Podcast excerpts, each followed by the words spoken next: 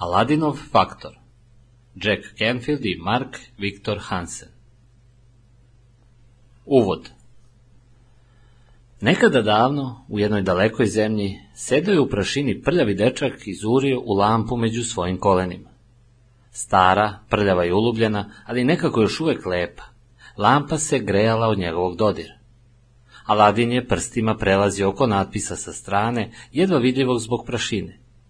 Pljunuo je na rukav i očistio lampu kako bi pročitao urezani natpis. Traži i bit će ti dato. Tek što je ovo pročitao, lampa se zatresla i okrenula u njegovim rukama. Koža mu se naježila, a kosa podigla. Jedan glas kao da je zagrmeo sa svih strana pijace. Ko si i zašto me zoveš? Prašina oko Aladinovih nogu postala je ružičasta, uskovitlala se, obavijajući njegovo malo telo. Dugine boje su zasvetele pred njegovim očima i on se osjetio kao da ga je neko podigao iznad oblaka. Gde sam, šta mi se dešava, vrišto je. Ti si sa mnom, sa duhom koga si pozvao, javio mu se glas. Tu sam da odgovorim na sva tvoja pitanja i pomognem ti da dobiješ ono što želiš. Želim da me ljudi vide onako kakav zaista jesam. Spolja sam ubogi prosjak, ali ja znam da sam princ. Kada bi samo to i drugi mogli da vide, sva bogatstva sveta bila bi moja, odgovorio Aladin. Želiš li zaista da ljudi u tebi prepoznaju uzvišenost? upitao je duh. Da, i više od toga. Tvoje želje su za mene zapovest. Sedi na moja stopala, drago dete, da ti ispričam bajku o čudu i uspehu, o tome kako da naučiš da tražiš ono što želiš. Poveo sam mnogo prijatelja koji će nam ispričati svoje priče. Gledaj u lampu, sine moj, i saslušaj bajku o promeni. Dok nisam shvatio da treba da tražim ono što želim, živeo sam u stanju neprosvećene obeshrabrenosti. Mislio sam da ne treba nikoga da uznemiravam, nikome da ne budem na smetnji i da se ne namećem, nikada da ne oduzimam tuđe vreme i naravno da nikada ne budem davež. Jednom smo na početku braka, moja supruga Đorđija i ja otišli u vikendicu na obližnje jezero u zapadnom Masačusecu. Kuća se nalazila na brdu, a mi smo parkirali kola na putu iznad kuće i stepenicama silazili do kuhinskih vrata. Nalazili smo se kilometrima daleko od grada i kada god smo išli u kupovinu, donosili smo mnogo hrane i namirnica koje smo morali da pakujemo u deset ili više kesa. Kada bismo se vratili, ja bih unosio kese, a Đorđija ih je raspakivala i stavljala namirnice na odgovarajuće mesto. Podsvesno sam uvek bio zlojeđen takvom situacijom. Ja sam se peo i silazio niz činilo mi se beskrajne stepenice, dok je Đorđija imala lakši posao. Samo je uzimala stvari iz torbi i stavljala ih u ostavu. Posebno sam bio uvređen kada bi padala kiša ili sneg. Ovakav postupak, kao i moja ozlojeđenost, trajali su godinama. Jednoga dana su nas u bračnom savjetovalištu zamolili da nabrojimo sve frustracije koje smo imali. Izneo sam razlog svoje dugotrajne nervoze, jer kada je trebalo nositi namirnice ni stepenice, u našoj vezi uvek sam ja bio tovarna mula. Odgovor moje žene mi je zauvek promenio život. Meni nikada nije palo na pamet da si ti time nezadovoljan, rekla mi je. Zašto nešto nisi rekao? Bilo bi mi drago da ti pomognem da nosiš torbe. Samo je trebalo da me pitaš. Samo je trebalo da pitam. Bilo je tako jednostavno. Zašto to nikada nisam pomislio? Jednostavno mi nije palo na pamet. Ali zašto? Odjednom sam se setio trenutaka kada mi je bila potrebna pomoć, a ja sam se plašio da je potražim. Želeo sam da zatražim od svojih učitelja u školi da malo sporije predaju i ponove šta su rekli, ali sam se plašio da će pomisliti da sam glup. Kada sam bio srednjoškolac i radio preko leta, želeo sam da zamolim kolege na poslu da mi pomognu da podignem veliku balu, ali sam se plašio da će pomisliti da sam slabić jer tražim pomoć. Želeo sam da pitam jednog momka u školi da mi pokaže kako svira određene akorde na gitari, ali plašio sam se da ih neću dovoljno brzo naučiti i da će se on iznervirati što mu oduzima vreme. Na kraju sam se zadovoljio sredinom, običnim sedištima na predstavama, lošim stolovima u restoranima. Hladnu ili lošu hranu koju su mi servirali nisam nikada vraćao. Navikao sam na sobe niže kategorije u hotelima i na spavanje na foteljama u avionu, iako su mi nudili i prvu klasu. Prihvatio sam da sam osrednji radnik sa osrednjim sposobnostima. Nosio sam odela koja mi nisu dobro stajala i obuću koja me je žuljala. Ne brini, raširit će se. Plašio sam se da vratim ili zamenim neželjene poklone i gotovo nikada nisam tražio od prodavaca da mi pomognu da nađem ono što mi treba. Jednoga dana, kada sam odlazio na koleđ, očuh mi je dao novčanicu od 20 dolara i rekao, ako ti nekada bude bila potrebna pomoć, pogledaj u svoju ruku. To je u stvari značilo, sada si samostalan i trebalo bi da si sam sebi dovoljan, ne traži više ništa. Prethodnih 18 godina od majke, oca i očuha mogao sam da čujem samo, ako ikada budeš upao u nevolju, ne trči kod mene da tražiš pomoć. Zašto mene pitaš, ne znam. Misliš i ti da pare rastu na drveću? Šta ti misliš da sam ja Rockefeller? Prestani da me zapitkuješ, to je poslednje što hoću da čujem. Nemoj da postavljaš previše glupa pitanja. Odgovor je ne i prestani da me uznemiravaš. Ostavi majku na miru, imala je težak dan. Rekao sam ne i tačka.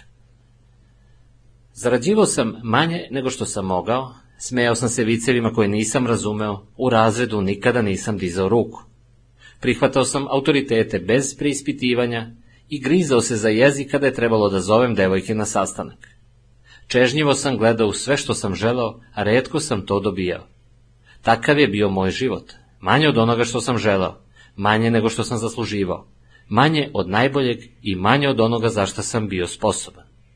Jack Canfield Jack je ovu priču ispričao Aladine da bi ilustrovao pet najvažnijih prepreka za ostvarenje sobstvenih težnji. Prvo, bio je zarobljenik neznanja. Nije znao da može da traži i da to može biti vrlo jednostavno. Drugo, pogrešni stavovi su ga odveli u zabludu. Mislio je da njegova žena, pošto ga voli, automatski zna šta on želi i da mu to i ponudi. Treće, strah je odlučivao, ne Jack. Plašio se negativnog odgovora i poniženja. Četvrto, ponos ga je blokirao i doprine udaljavanju od ljudi u njegovom životu. I peto, osjećao je da nije vredan pomoći koja mu je bila potrebna i koju je zasluživao, jer nije imao dovoljno samopoštovanja. Ovih pet prepreka su karike lanca koji te sprečava da tražiš ono što želiš. I sve dok ne pokidaš te veze i oslobodiš se robstva u koje su te bacile, nećeš biti slobodan da ostvariš svoje snove. Prvi deo Aladinov faktor 1. Pet prepreka u zahtevanju Najvažniji razlozi što ne tražimo ono što želimo. Pod 1. Neznanje Priča se da je nekada davno jedan lopov ukrao predivan kaput napravljen od najfinijih materijala sa dugmadima od srebra i zlata. Lopov je prodao kaput na pijaci, a kada je potom otišao kod svojih prijatelja, najbolji prijatelj ga upitao za koliko novca je prodao kaput. Za sto srebrnjaka, odgovorio je lopov. Hoćeš da mi kažeš da si dobio samo sto srebrnjaka za onakav kaput? Pa zar postoji broj veći od sto? Upitao je na kraju lopov. Mnogi od nas ne znaju šta da traže. Ili nismo svesni šta je dostupno, ili smo se toliko udaljili od sebe samih da više nismo u stanju da prepoznamo svoje prave potrebe i želje. Neki su se toliko učaurili da su jednostavno nesposobni da osete prirodne želje i potrebe. Neki od nas više ne znaju šta zaista žele. Mnogi od nas ne znaju kako da traže.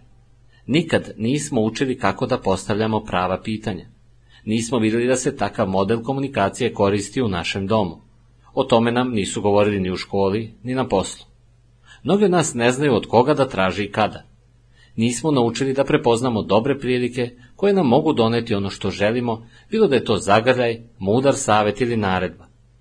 Mnogi od nas nikada nisu naučili da čitaju neverbalne znake koje nam drugi ljudi šalju i koji znače s tobom sam ili ne sada.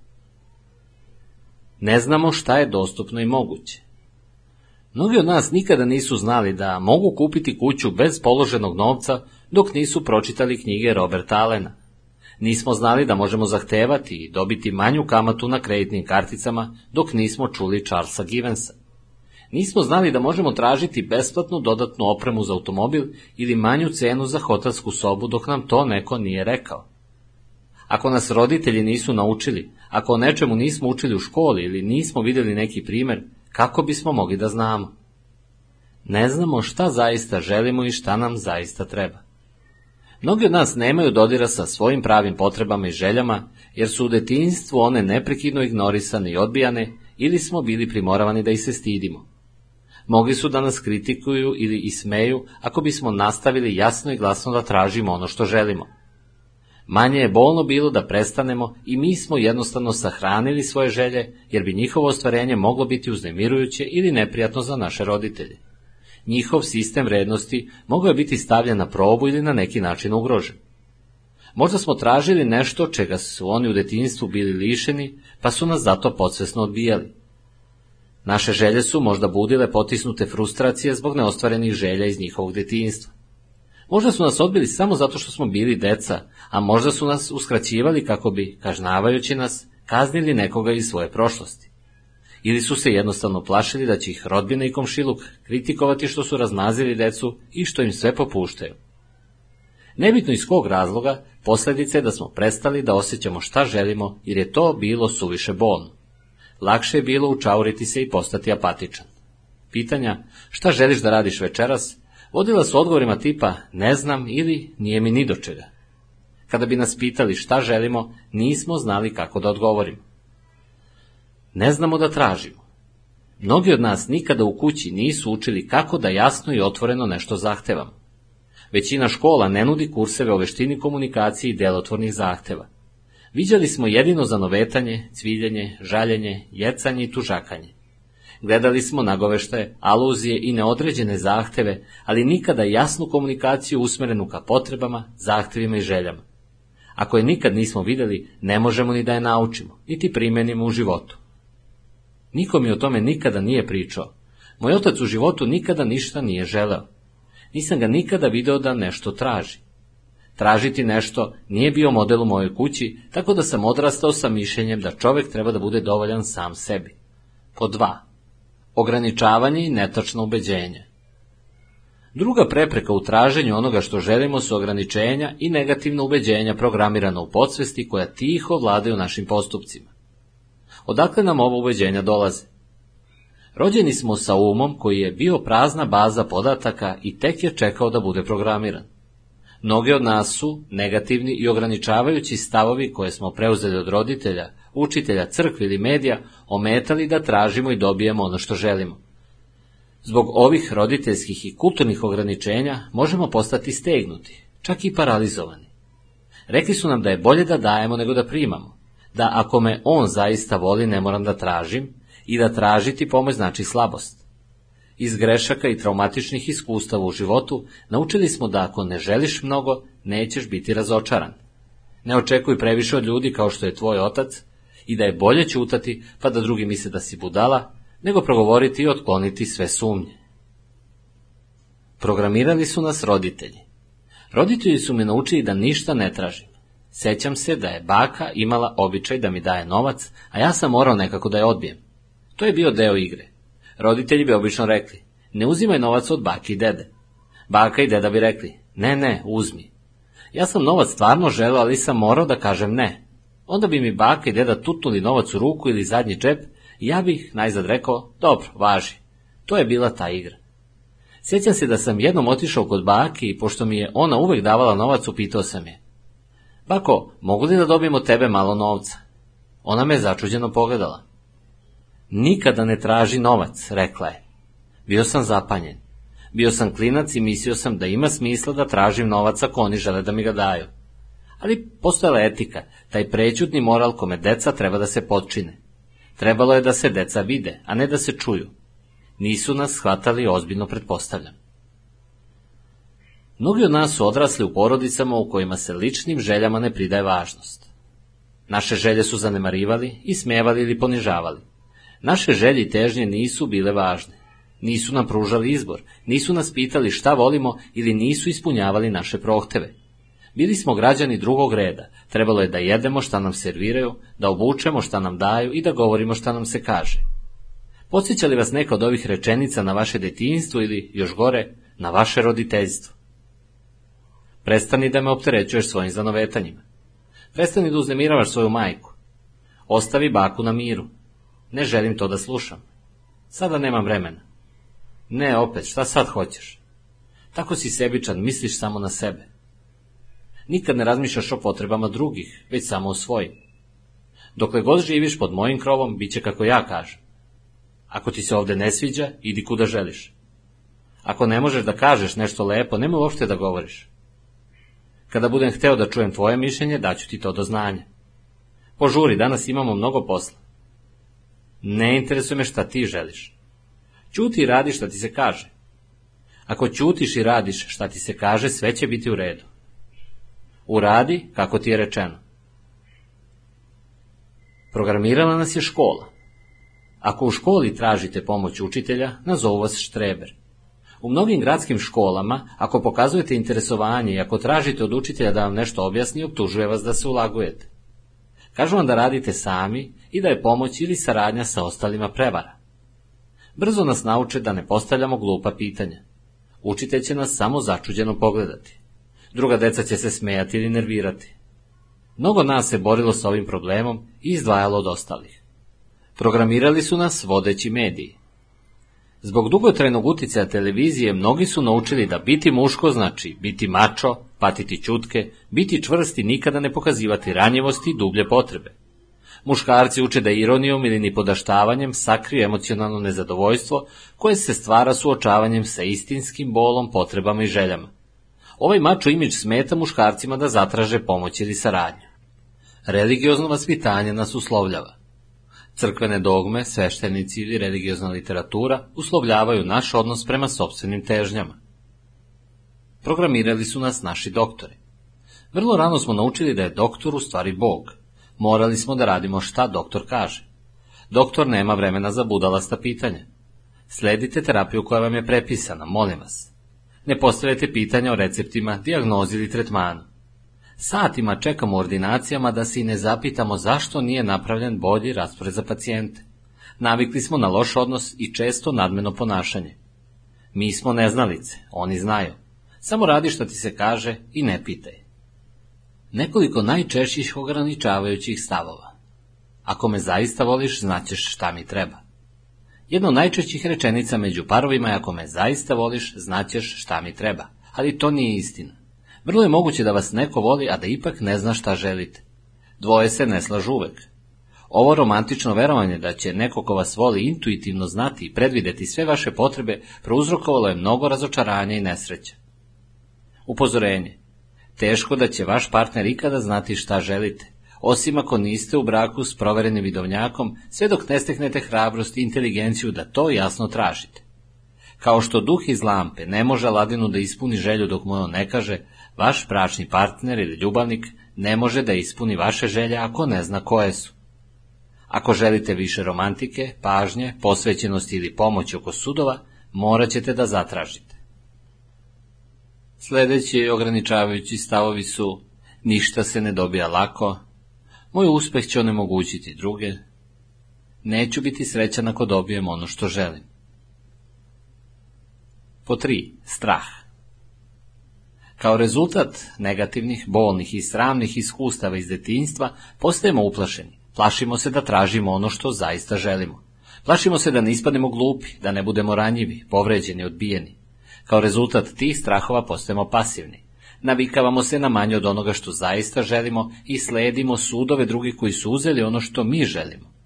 Nemamo hrabrosti da tražimo, ni samo discipline da stvaramo.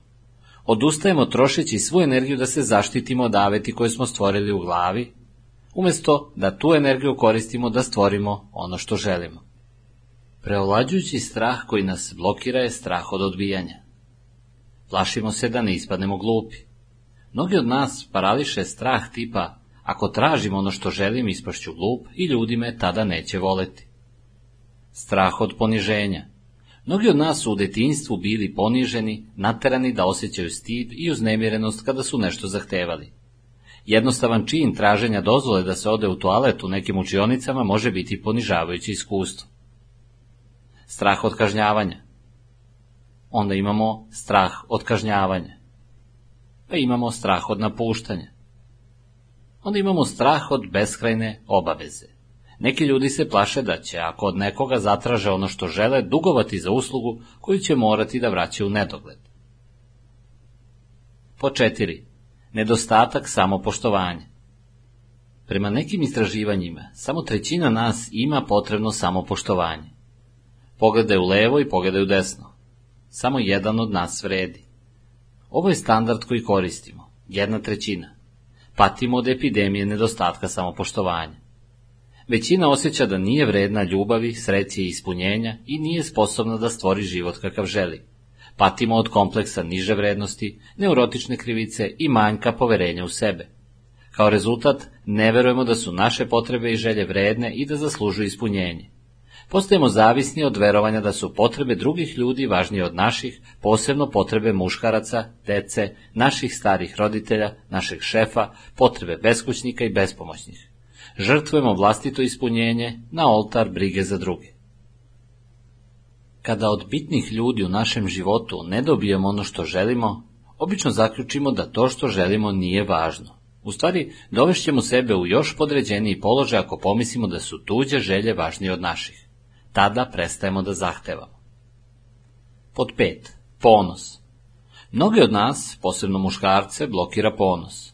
Postanemo suviše oholi da priznamo da nam je neko ili nešto potrebno. Ne zastajemo da pitamo za put, savet ili pomoć. Ubeđeni smo da sve moramo sami, savršeno je u prvom pokušaju, inače ćemo biti u opasnosti da izgubimo poštovanje, prijateljstvo i sobstveni osjećaj vrednosti.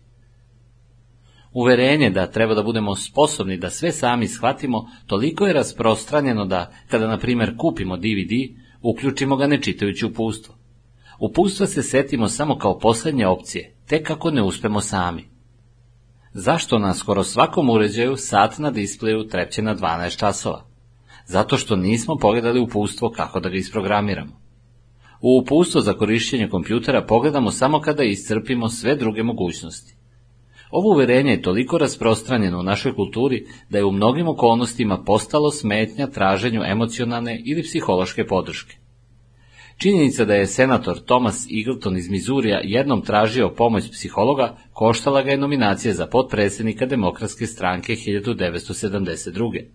Smatrali su da, pošto je tražio pomoć psihologa, on nije stabilna ličnost, sposobna za rad pod pritiskom. Zašto mentalna pomoć nije pokrivena zdravstvenim osiguranjem i nacionalnim zdravstvenim programom? Mi verujemo da normalni ljudi, posebno muškarci, treba preko svega da pređu i sami se izbore sa problemom. Oh, rekao je Ladin, sada razumem zašto nisam tražio ono što želim. Ali ako počnem da tražim, kako će se moj život promeniti? 2. Čitav novi svet. Dobrobit od traženja. Aladine, pitaš kako će se tvoj svet promeniti. Slušaj i bit ćeš zadivljen. Sve tvoje želje će biti jasno prepoznate i shvaćene. Svi tvoji zahtevi će možda biti nagrađeni, a svi tvoji snovi će postati stvarnost. Možeš da zahtevaš koliko god hoćeš, kad god poželiš, od koga hoćeš i šta god želiš, i to da dobiješ. Moguće je da ostvariš na izgled nemoguć san ako naučiš i primeniš tehnike koje ću ti pokazati. Pomislite na koristo znanja kako, kada i od koga da tražite sve što želite, manje razočarenja u vezama, uspešniji timski rad, jasnije pregovaranje za stolom, novac potreban da započnete posao, manje svađa sa roditeljima i sa decom, posebno upustva i podrška koja vam je potrebna, manje patnje u tihom očaju usamljenosti. Bukvalno, čitav novi svet se može otvoriti za vas i svakoga do koga vam je stalo. Možete da tražite bilo šta. Možete da tražite zagrljaj, udobnost, slušanje, oproštaj, pažnju, vreme, intimnost, brigu, poštovanje, ljubav, negu, masažu, isceliteljsku energiju, molitve, objašnjenje, lojalnost, seksualnu vernost ili stopostotnu posvećenost. Možete oko sebe da tražite pomoć, uslugu nekog ko će čuvati tajnu, pomoć pri domaćem zadatku, džemper ili sako, privatno starateljstvo, obaveštenja, pomoć oko projekta, saradnju svoje dece, babysitterku, časove plivanja, novac za bioskop, učešće u lutriji, pomoć oko probušene gume, iznajmljivanje porodičnog automobila ili popustljivija pravila. Možete da zahtevate da budete različiti, da se obogatite, postanete poznati ili da smršate. Možete zahtevati bolji sto, zamenu menija, podgrevanje jela, više butera, specijalno pripremljenu hranu, niskokaloričnu zamenu ili poseban obrok. Možete da tražite dobrovoljce, učesnike, donatore, davaoce priloga, simpatizere, vođe odreda, pomoćnike učitelja, savjetnike, članove odbora i pomoćnike za svoju organizaciju. Možete da zahtevate džeparac, pozajmicu, investicioni kapital, produžetak, bolje uslove, manje interesne stope, refinansiranje, bolji ugovor, smanjenje cena, povišicu, unapređenje, više odgovornosti, manje odgovornosti, odmor, promenu polise, jednaku šansu, isplatu u delovima, kraće radne sastanke ili manje papirologije. Preuzet ćete vlast nad svojim životom. Aladine, kada budeš odlučio da uzmeš život u svoje ruke i postaneš kapetan svoje lađe, možeš ostvariti sve što ti srce želi. Tvoje samopoštovanje će se razviti i poverovat ćeš u svoje snove i svoju sposobnost da ih ostvariš. Nećeš više biti prosjak, nećeš zavisiti od drugih da dobiješ ono malo dobro u životu. Sam ćeš stvarati svoje dobro. Povećat ćete lične sposobnosti. Samo onaj ko je vredan i trudi se da zna, rekao je duh, može da uđe u pećinu čuda. Oni koji koriste lične mogućnosti imaju jasan cilj, fokus i životnu strast koja prilači druge. Dakle, ako želite da drugi preuzmu odgovornost za nešto, uputite nedvosmislen zahtev i oni će vam verovatno izaći u susret. Imaćete i pružat ćete više ljubavi. Kada smo se upoznali, počuje duh, rekao si mi da zaslužuješ svetska blaga. Prava bogatstva nisu samo dijamanti i zlato, već i porodice i prijatelji. Duhov glas je postao nežan kao golubije krilo. Ljubav je najbolji odgovor na sva životna pitanja. Video sam šta čuvaš za princezu u svom srcu i to je ono što je duboko i trajno. Ako ne razgovaramo sa onima koje volimo i ako ne brinemo za naše tihe potrebe, one će zaovek ostati neispunjene. Molbe daju krila našim najdubljim snovima i željama. Možete da obogatite svoj život. Obogatiti život znači znati sobstvenu vrednost i verovati u snove.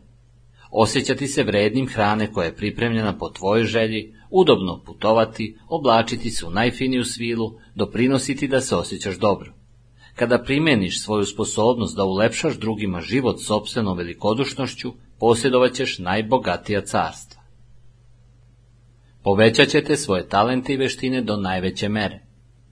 Ako ostaneš zarobljen na pijaci celog života Aladine, nećeš razumeti svoje prave talente i nećeš imati vremena da usavršiš svoje veštine.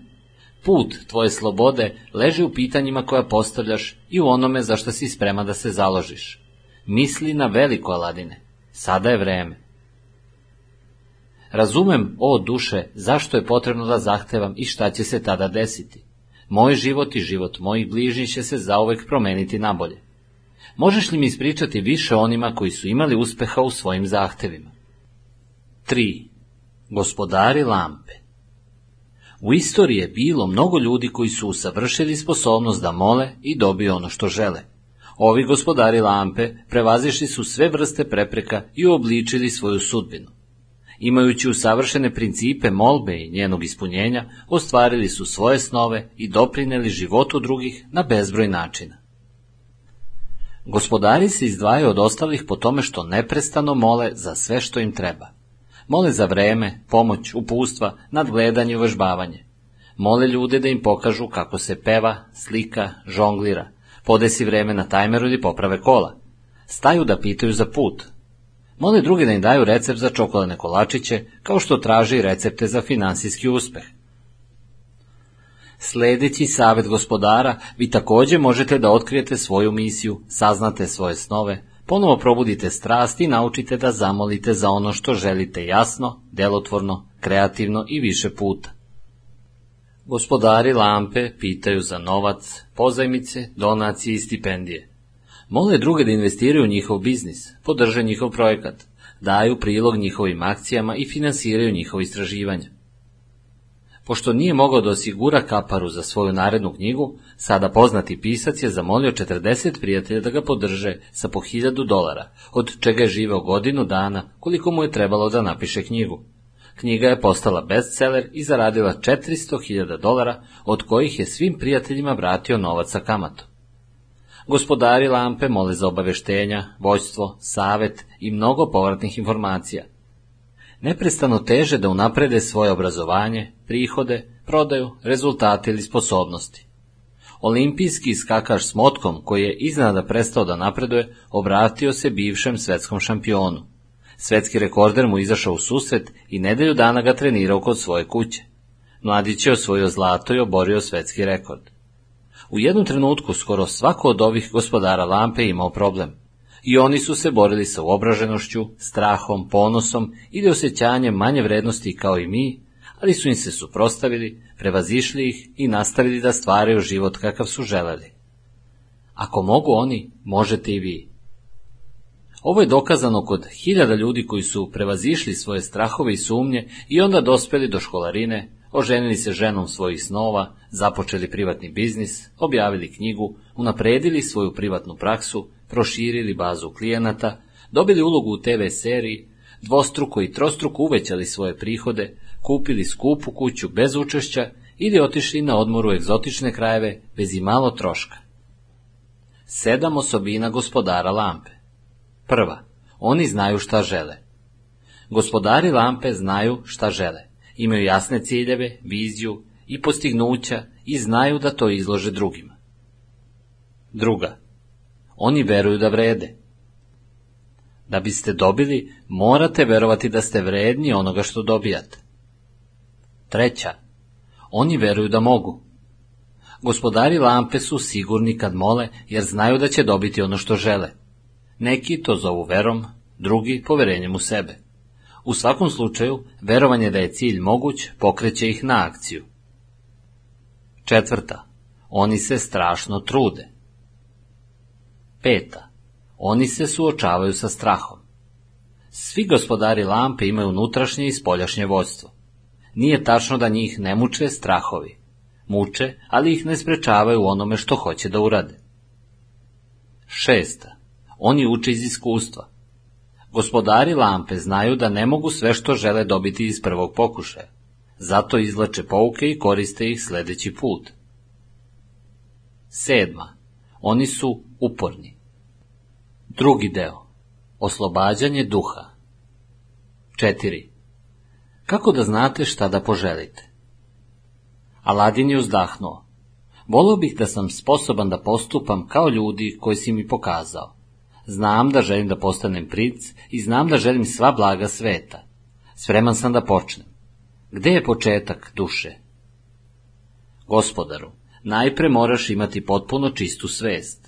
To je istinska i pouzdana moć. Ono što ću sa tobom podeliti, pomoći će ti da stekneš jasnoću svesti. U ovom delu avanture hoću da počneš da tkaš svoj vlastiti čarobni ćilim. Da bi ga istkao, morat ćeš da ispuniš nekoliko zadataka. Svaki od njih je potka za ćilim i što ih više budeš imao, tvoj ćilim će biti jači i lepši. Najpre nam je potrebna nit želje. Sve ostalo dolazi posle naših želja, snova i težnje. Kada jednom razjasnimo svoje želje i naš put postaje jasniji. Prvi zadatak. Najpre moraš da napraviš spisak svojih želja. Sedi i uzmi papir i pero. Napiši, želim da i nabroj 101 želju. Neću prihvatiti 90 ili 99. Pravi i magični broj je 101. Aladin je počeo sumanuto da piše. Čuo se samo zvuk škripanja pera po papiru. Iznada je stao i požalio se. Ne mogu to da uradim. Nikada mi nije dopušteno da želim mnogo. Dobar obrok i topao krevet su moji najveći snovi, ali oni ne ispunjavaju broj. Duh ga je ubeđivao. Ovo je pravi početak zadatka. Ubeđivanje sobstvenog uma da se oslobodi. Svima je teško da dozvole sebi da shvate šta zaista žele, a šta ne. Nisam ti ni rekao da je zadatak lak, ali da bi napredovao dalje, moraš da ga rešiš. Počni, Aladine, pronađi svoje snove i zapiši ih. Prvi zadatak. Napravite spisak od 101 želje. Kao što je duh zatražio od Aladina da napravi spisak od 101 želje, i mi tražimo od vas spisak želja. Prema našem iskustvu, treba će vam nekoliko sati, možda i nekoliko dana.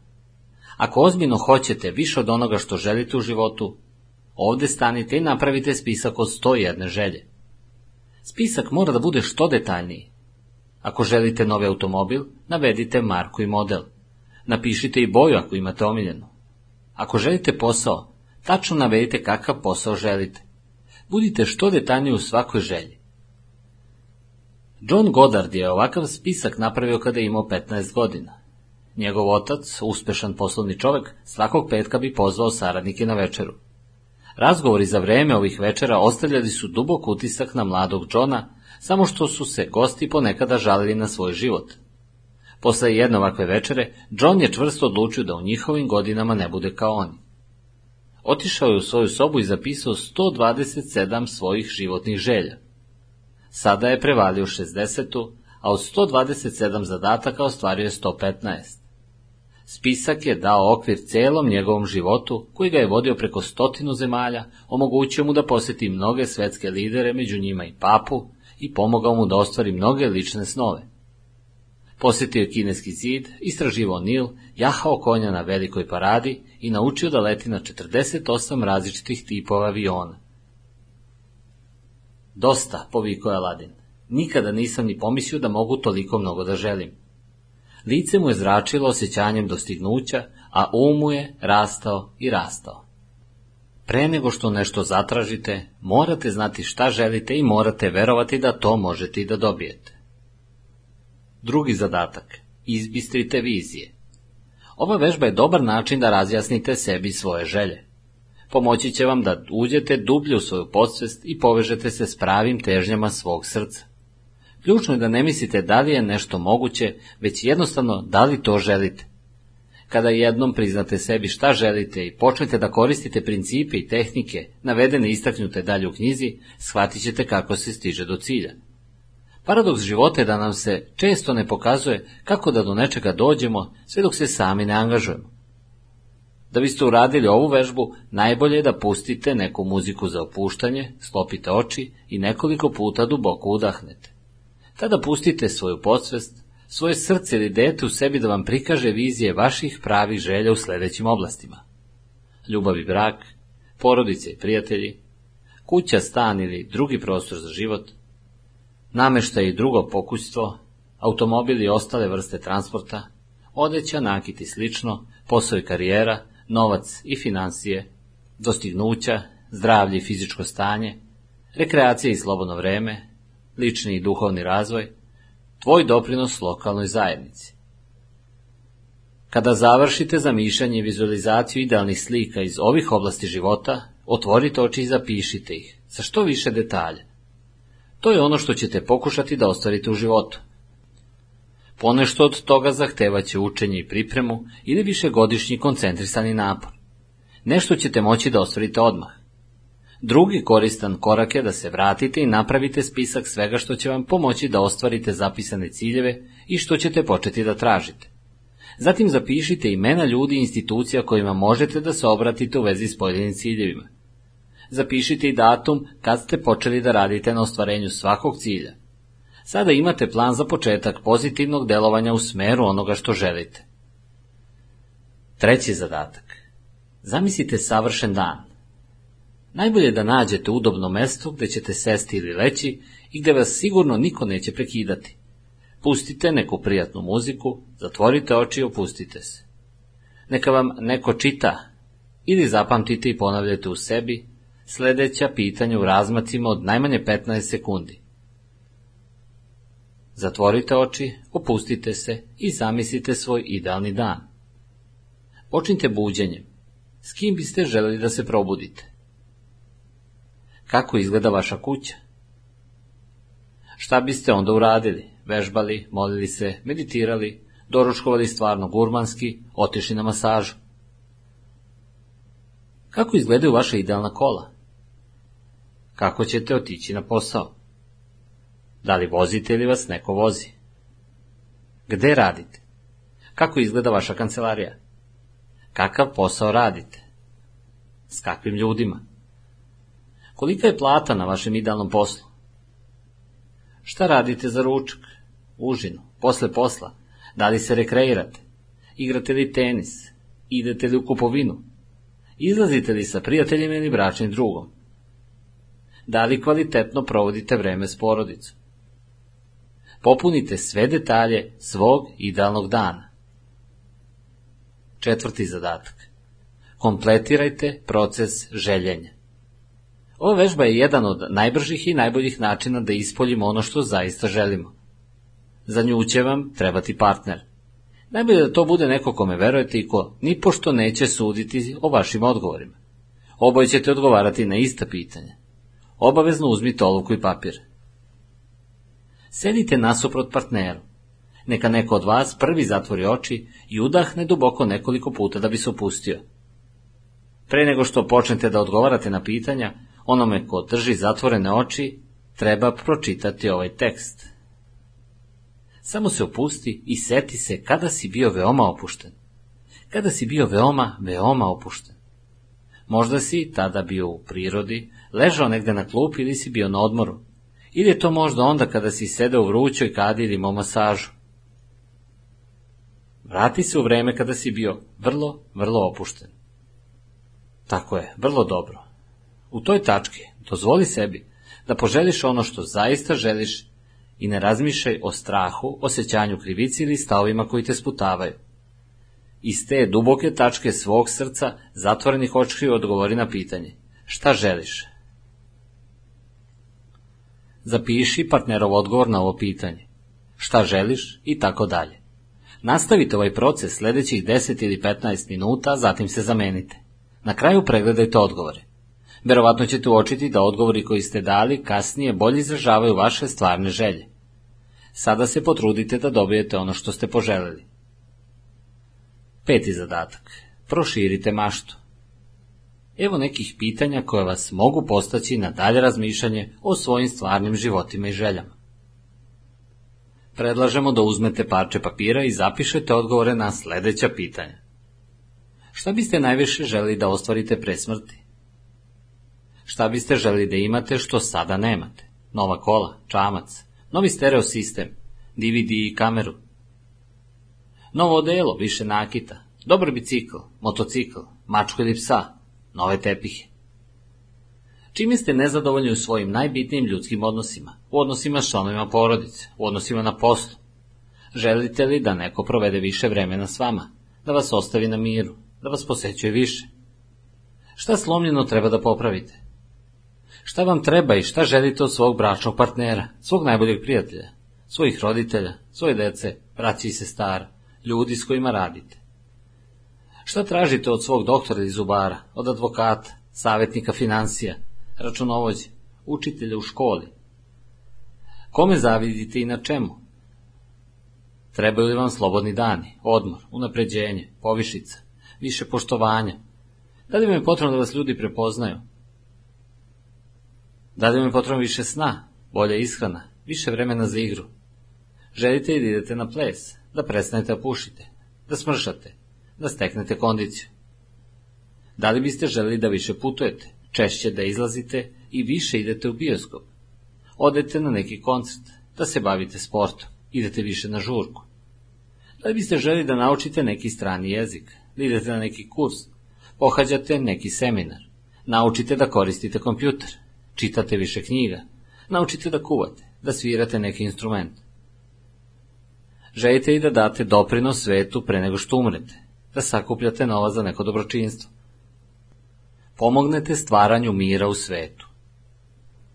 Aladine, sad kada si razjasnio šta želiš, pogledajmo šta je sledeći korak u tkanju magičnog ćilima koji te može odvesti kuda god želiš. 5. Paljenje lampe. Aladine, sjaj na licu obasjava ti dušu. Pretvaraš se predavnom od uličnog mangupa u čoveka ideja. Javlja ti se strast za životom. Pogledaj još jednom lampu u svojim rukama. Ona ne može svetleti bez dva najvažnija sastojka. Znaš li koja? Naravno, jedan je ulje, drugi je vatra. Nema svetlosti dok oni ne dođu u dodir, objasnio Aladin. Znao sam da imam mudro gospodara.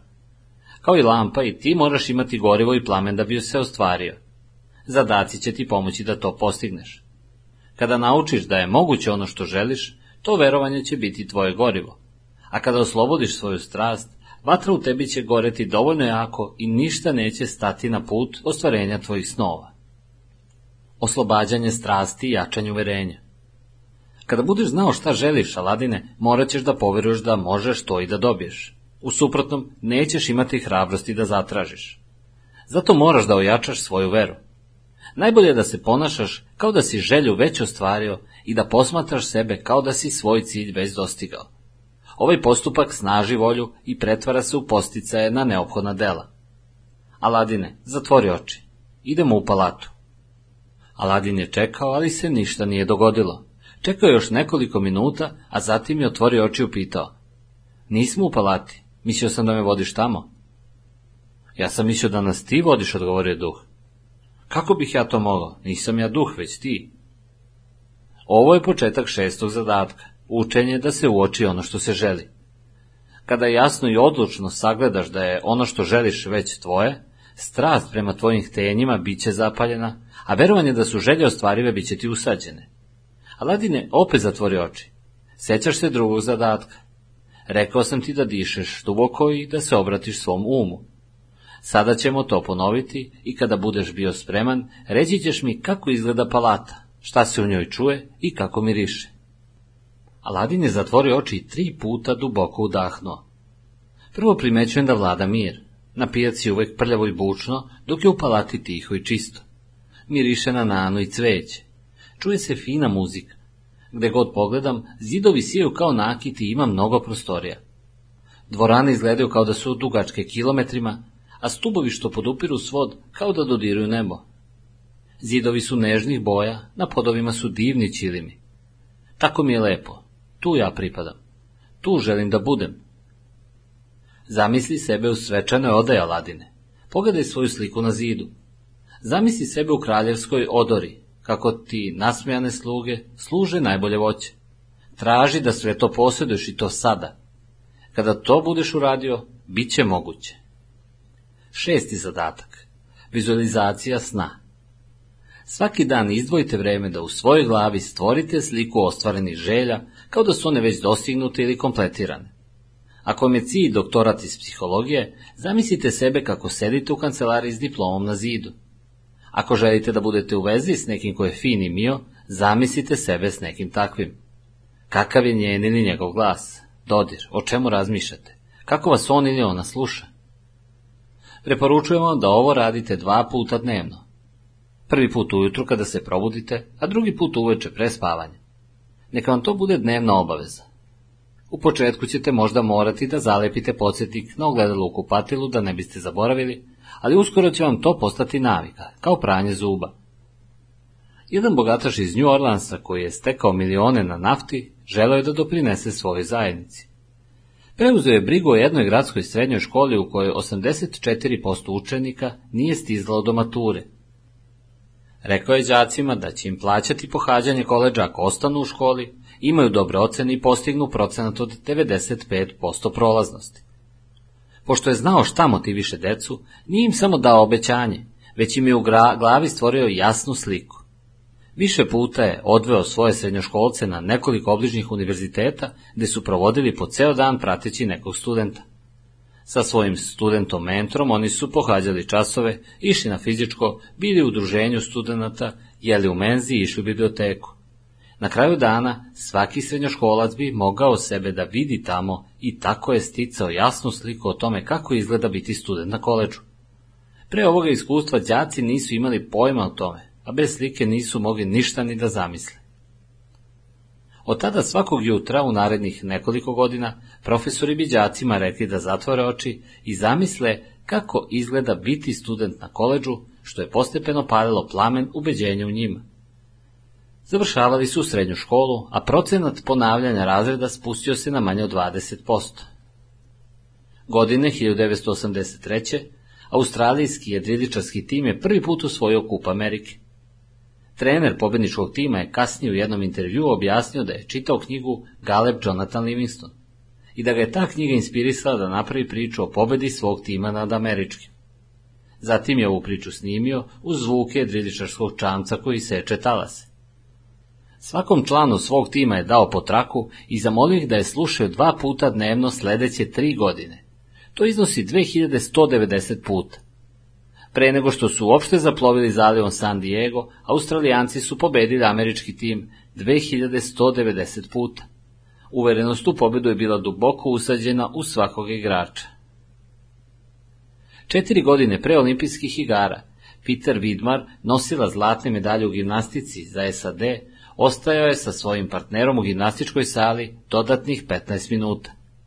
Njih dvojica bi zamislili da olimpijada u toku i da posljednja vežba koju upravo treba da urade odlučuje ko će biti nosilac medalje. Oni bi zamislili sebe kako rade savršenu vežbu za desetku, a zatim kako stoje na pobedničkom postolju i tako svakoga dana pune četiri godine. Njihova ubeđenost je rasla iz dana u dan, pa nije ni čudo što su osvojili zlato. Ken Ross objašnjava kako je koristio istu tehniku da pomogne Valeri Briscoe Hooks da osvoji drugu olimpijsku medalju. Možeš da otvoriš oči, Aladine, dobro ti ide. Još jedna nit je utkana u tvoj čarobni ćilim. A sledeći zadatak namenjen je i tvojim očima i tvojim rukama. Sedmi zadatak. Oživljavanje sna. Ako ne umete da vizualizujete na pravi način ili jednostavno hoćete da ubrzate proces, možete da stvorite spoljašnji privid za svaku svoju želju. Ako želite doktorat iz psihologije, iskopirajte doktorsku diplomu i napišite na njoj svoje ime. Uramite i stavite na zid. Ako želite na Havaje, idite u agenciju i nabavite turističku brošuru Havaja. Umetnite u nju svoju sliku, a onda brošuru stavite negde gde ćete moći da gledate svaki dan. Na frižider, ogledalo u kupatilu ili iznad svog radnog stola. Što se više budete gledali kako se sunčate ili izležavate na čamcu, to će vam slika u glavi sve više izgledati kao realnost. Možete takođe da napravite knjigu snova tako što ćete iseći slike svojih ciljeva i zalepiti ih u svesku. Gledajte ih barem jednom dnevno i rezultat će biti zadivljujući. Ispunio si svih sedam zadataka koji su ti postavljeni. Napravio si spisak želja, jasno ih uvideo, zamislio savršen dan, shvatio šta želiš i proširio svoju maštu. Upalio si svoju lampu, strašću i verom si sagledao snove i stvorio knjige snova. Tako si sad kao čarovni ćilim koji će te odneti tamo kuda želiš. Uvi se u ćilim i poželi šta god hoćeš. Aladin se umuta u ćilim i zamislio sebe u divnom novom modelu od najjeftinije svile. Mogao je da osjeti miris novog. A kada se odmotao iz ćilima, sećanje na ovo iskustvo je ostalo. Ovako treba da mi bude, Rođen sam da budem takav, da nosim najfiniju svilu i uživam u bogatstvu. To je moje zadovoljstvo i svakog trenutka mi je sve jasnije da će se moja želja obistiniti, uzviknuo je Ladin. I ja znam da će se obistiniti. Tvoj glas je jak i dostojanstven, ali postoji još jedna prepreka koju moraš preći, a ona je najteža od svih. 6. Izlazak iz lavirinta straha. Sad smo pred najvećom preprekom s kojom se većina ljudi suočava, pred lavirintom straha. Ući ćeš na jednoj strani, misliti svojom glavom, slediti svoje srce kroz zbrku lavirinta i izaći na kraju na drugoj strani. Možeš da poneseš svoj čarobni ćilim i lampu. Ideš sa mnom, zar ne duše? Srešćemo se na drugoj strani. Sam moraš prevazići svoje strahove. Niko ti ne može pomoći jer niko bolje od tebe ne zna čega se plašiš. U lavirintu ćeš naići na kapije. Sve su tamo da ti pomognu. Na svakoj će ti biti rečeno šta moraš da uradiš da bi je prošao. Kada budeš prošao kroz sve kapije, izlaz će ti se odmah pokazati. Još nešto. Zapamti da većinu strahova stvaraš sam. Mnogi od nas žive u iluziji da spoljni svet prouzrukuje naše strahove. Kada budeš istraživao lavirint i kada nešto izazove strah u tebi, mislit ćeš da je razlog za strah stvaran, ali nije. Osjetit ćeš možda da ti srce brže tuče i da brže dišeš, možda vrtoglavicu, žmarce, drhtanje, ili da ti se grče mišići.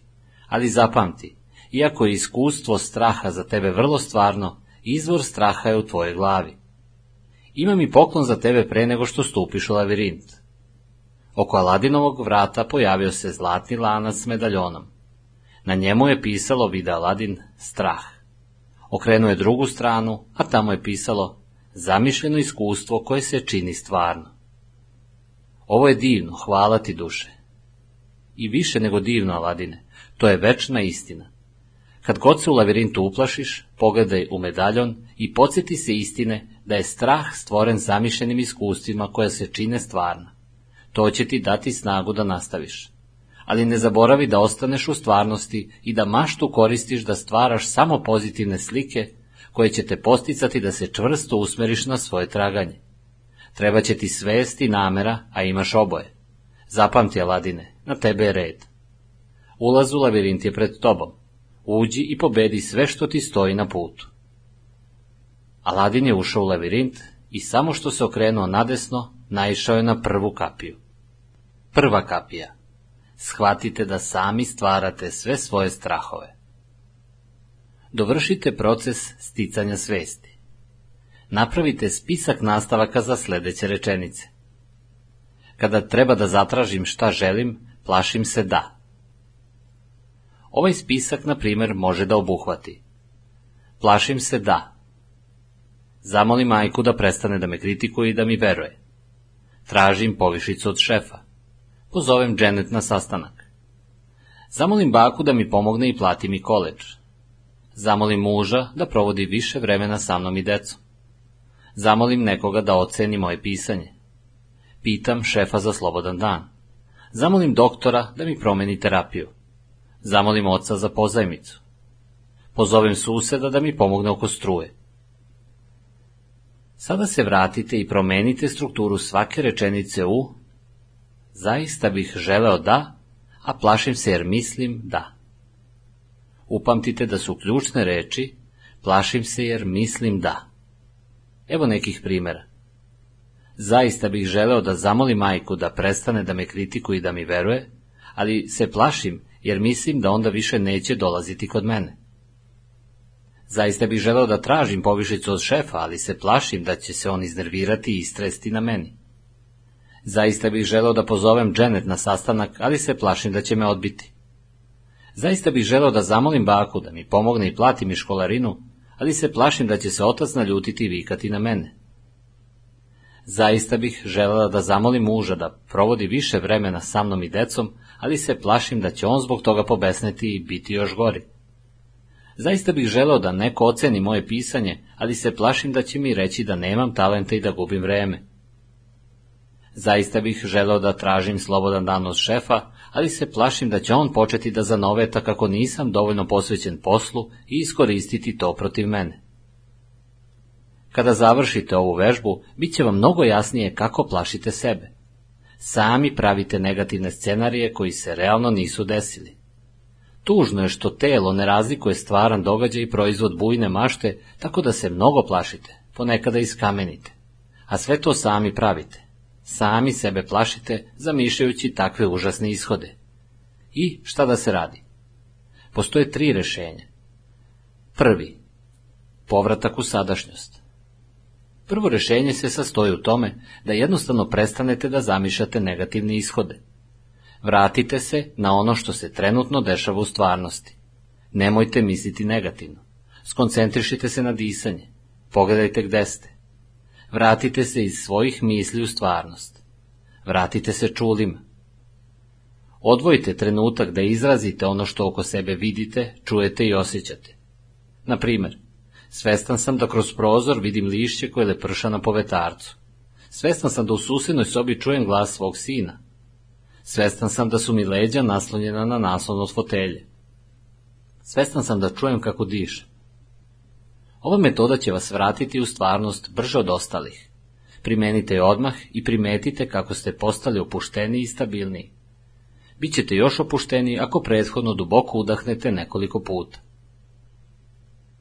Drugi. Kad sumnjate, proverite. Druga mogućnost je da preispitate svoje fantazije. Pitajte nekog kako bi se osjećao kada bi mu neko postavio ova pitanja. Ispričajte mu svoju najgoru fantaziju i pitajte ga da li je istinita. Evo nekoliko primjera zasnovanih na opisanim situacijama. Mama, kada dođeš kod mene i počneš da mi zameraš kako odgajam Jessiku i Kristofera, osjetim se pocijenjeno i ljutim se na tebe. Mislila sam da o tome razgovaramo, ali sam se plašila zamišljajući da ćeš, ako ti to kažem, misliti da te kritikujem. Naljutit ćeš se na mene i nećeš mi više dolaziti. To bi me povredilo jer bi mi nedostajala. Da li bi se zaista tako ponašala ili ja nisam u pravu?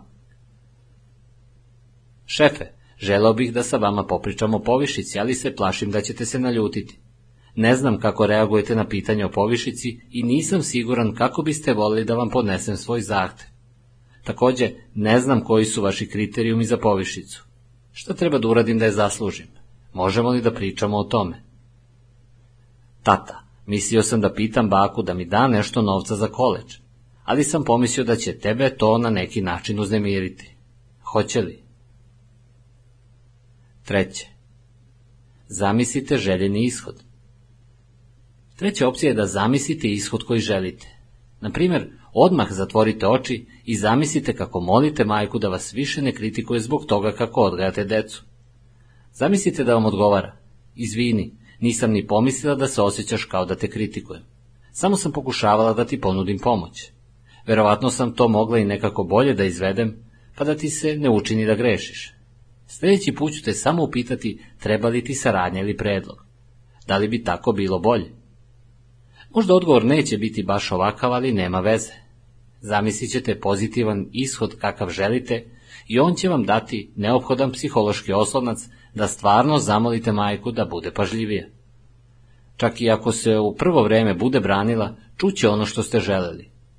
Takođe možete zamisliti da ćete, ako se bude branila i poricala, reći da i dalje volite i želite da vam dolazi, samo biste hteli da bude malo pažljivija. Možete čak i da joj objasnite kako da njeni saveti ne izgledaju kao sudske presude. Možete da isprobate svoju reakciju na bilo koju njenu primetbu ili ljutnju. To je u stvari psihološka vežba koja će vam pomoći da se tako ponašate i u kasnijim stvarnim situacijama. Ispunjen zadatak na prvoj kapi ohrabrio Aladina. Odmah se osjetio bolje nego kada je ušao. Krenuo je polako kroz lavirint osjećajući sigurnost u sebe. Video je most, a kada je zakoračio na njega, on poče da mu se ljulja i uvija pod nogama. Ko to hoda mojim mostom? Upitao je glas koji je zvučao poput skrhanog stakla. To sam ja, Aladin, i želim da pređem. Iz magle je polako izronilo čudovište i prostrlo se na drugi kraj mosta. Bio je to najružniji stvor koga je Aladin nikada video, a njegov užasni smrad pekao mu je nos. Zver je otvorila usta, pokazujući redove zuba oštrih poput brijača. Ako se usudiš da se približiš makar još korak, pocepaću te na komade. Obećavam ti, užasno će te boleti kada te budem komadala, a posle ću te prožderati. Ne verujem ti, ništa mi ne možeš, rekao je Ladin i pošao ka čudovištu, ali je ono strašnim pokretima krenulo napred i poderalo mu rukav kaputa, ostavljajući krvavu ranu na ruci. Aladin je zavrištao. Ovo je stvarno, ovo nije moja mašta. Povređen sam, krvarim. Pobegao je na drugi kraj mosta. Pogledao u svoju ruku, ali onda primetio medaljon. Zgrabio ga je i ponovo krenuo ka zveri, koja je ustuknula pred sjajnim predmetom. Aladin je sa više sigurnosti prešao preko mosta i bezbedno stupio na drugu stranu. Prevazišao je strah od psihičkog povređivanja. Stigao je do druge kapije. Druga kapija. Analizirajte svoje strahove. Mnogi strahovi ne mogu da izdrže test pažljivog preispitivanja analize. Kada izložimo svoje strahove svetlo analitičkog preispitivanja, oni obično lako nestanu. Zapitajte se šta je najgore što može da vam se desi. Kada se bojite da pitate ili nešto preduzmete, zastanite i duboko udahnite. Tada se razumno zapitajte, šta je najgore što može da se desi? Da li je to zaista toliko loše? Mogu li to da pregrmim? Ako mislite da možete i da je ono što želite važno, krenite. Shvatite da u stvari ništa ne gubite. Shvatite da je odbijanje samo iluzija. Razmislite o ovome. Kada zovem Janet da idemo na ručak, a ona kaže ne, pre nego što sam je pozvao nisam imao nikoga da ide sa mnom.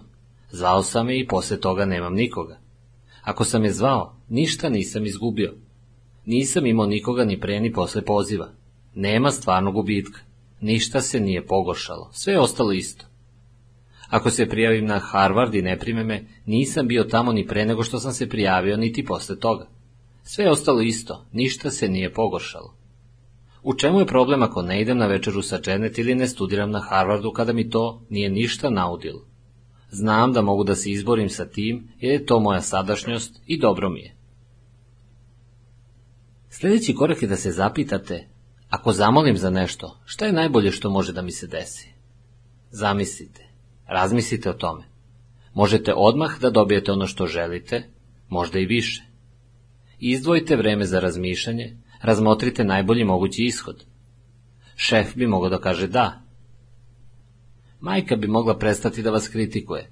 Otac bi mogao da kaže, bit ću oduševljen ako ti baka pozemi novac za stipendiju za koleđ. Najzad zapitajte se, na osnovu svega do sada, šta će se najvjerovatnije desiti. Kada se podvrgnete ovakvoj analizi, shvatit ćete da se najčešće ništa veliko ne dešava. U stvari, obično je ishod povoljan. Naoružani ovim novim saznanjem, jednostavno idite i pitajte. Završite drugi proces svesnosti. Psiholog Nathaniel Brandon je stvorio jedan od najboljih načina za prevazilaženje posljedica lišavanja i manjak svesnosti. Razvio je tehniku ponavljanja brzih odgovora na nezavršene rečenice. Proces je jednostavan, ali veoma delotvoran. Pronađite slobodno vreme da uradite ovaj test. To će bukvalno preobraziti vaš način obraćanja. Mesec dana svakodnevno izdvajate 15 minuta. Sedite sa sveskom i olovkom ili za kompjuter i što brže možete, ne zastajući da razmislite o čemu pišete, završite 5 do 10 sledećih nezavršenih rečenica. Da mi je neko rekao da su moje potrebe i želje važne, da sam bio voljan da zatražim šta želim, kada sam zanemarivao svoje najdublje želje, da sam imao za 5% više samopouzdanja u ostvarivanju svojih želja, ako poričem i odbacujem svoje želje i potrebe, da sam poslušao svoje najdublje prohteve i želje, da sam umeo da prihvatim svoje želje, da sam hteo da se ponašam po svom, da sam verovao da zaista mogu da imam ono što želim. Između ostalog, moram da pitam, zapamtite, pišite što brže, ne razmišljajući o onome što pišete i bez ikakvog procenjivanja odgovora. Na kraju svake nedelje pročitajte odgovore koje ste zapisivali, a zatim napišite 5 do 10 završetaka sledeće rečenice. Ako je bilo šta što sam napisao istina, ona mi može pomoći ako ja... Prema doktoru Brendanu, ova vežba postiče nesvesnu integraciju novih ideja. Pomaže nam da odbacimo strahove, da ih preispitamo i suočimo se sa njima. Pomaže nam da stupimo u nove nivoje svesti, znanja i lakoće delovanja za koje ranije nismo ni shvatali da posjedujemo. Pred izlazom iz druge kapije, Aladin se našao u mračnoj i sablasnoj šumi. Veliko drveće se nadvijelo nad njim i smetalo mu da prođe.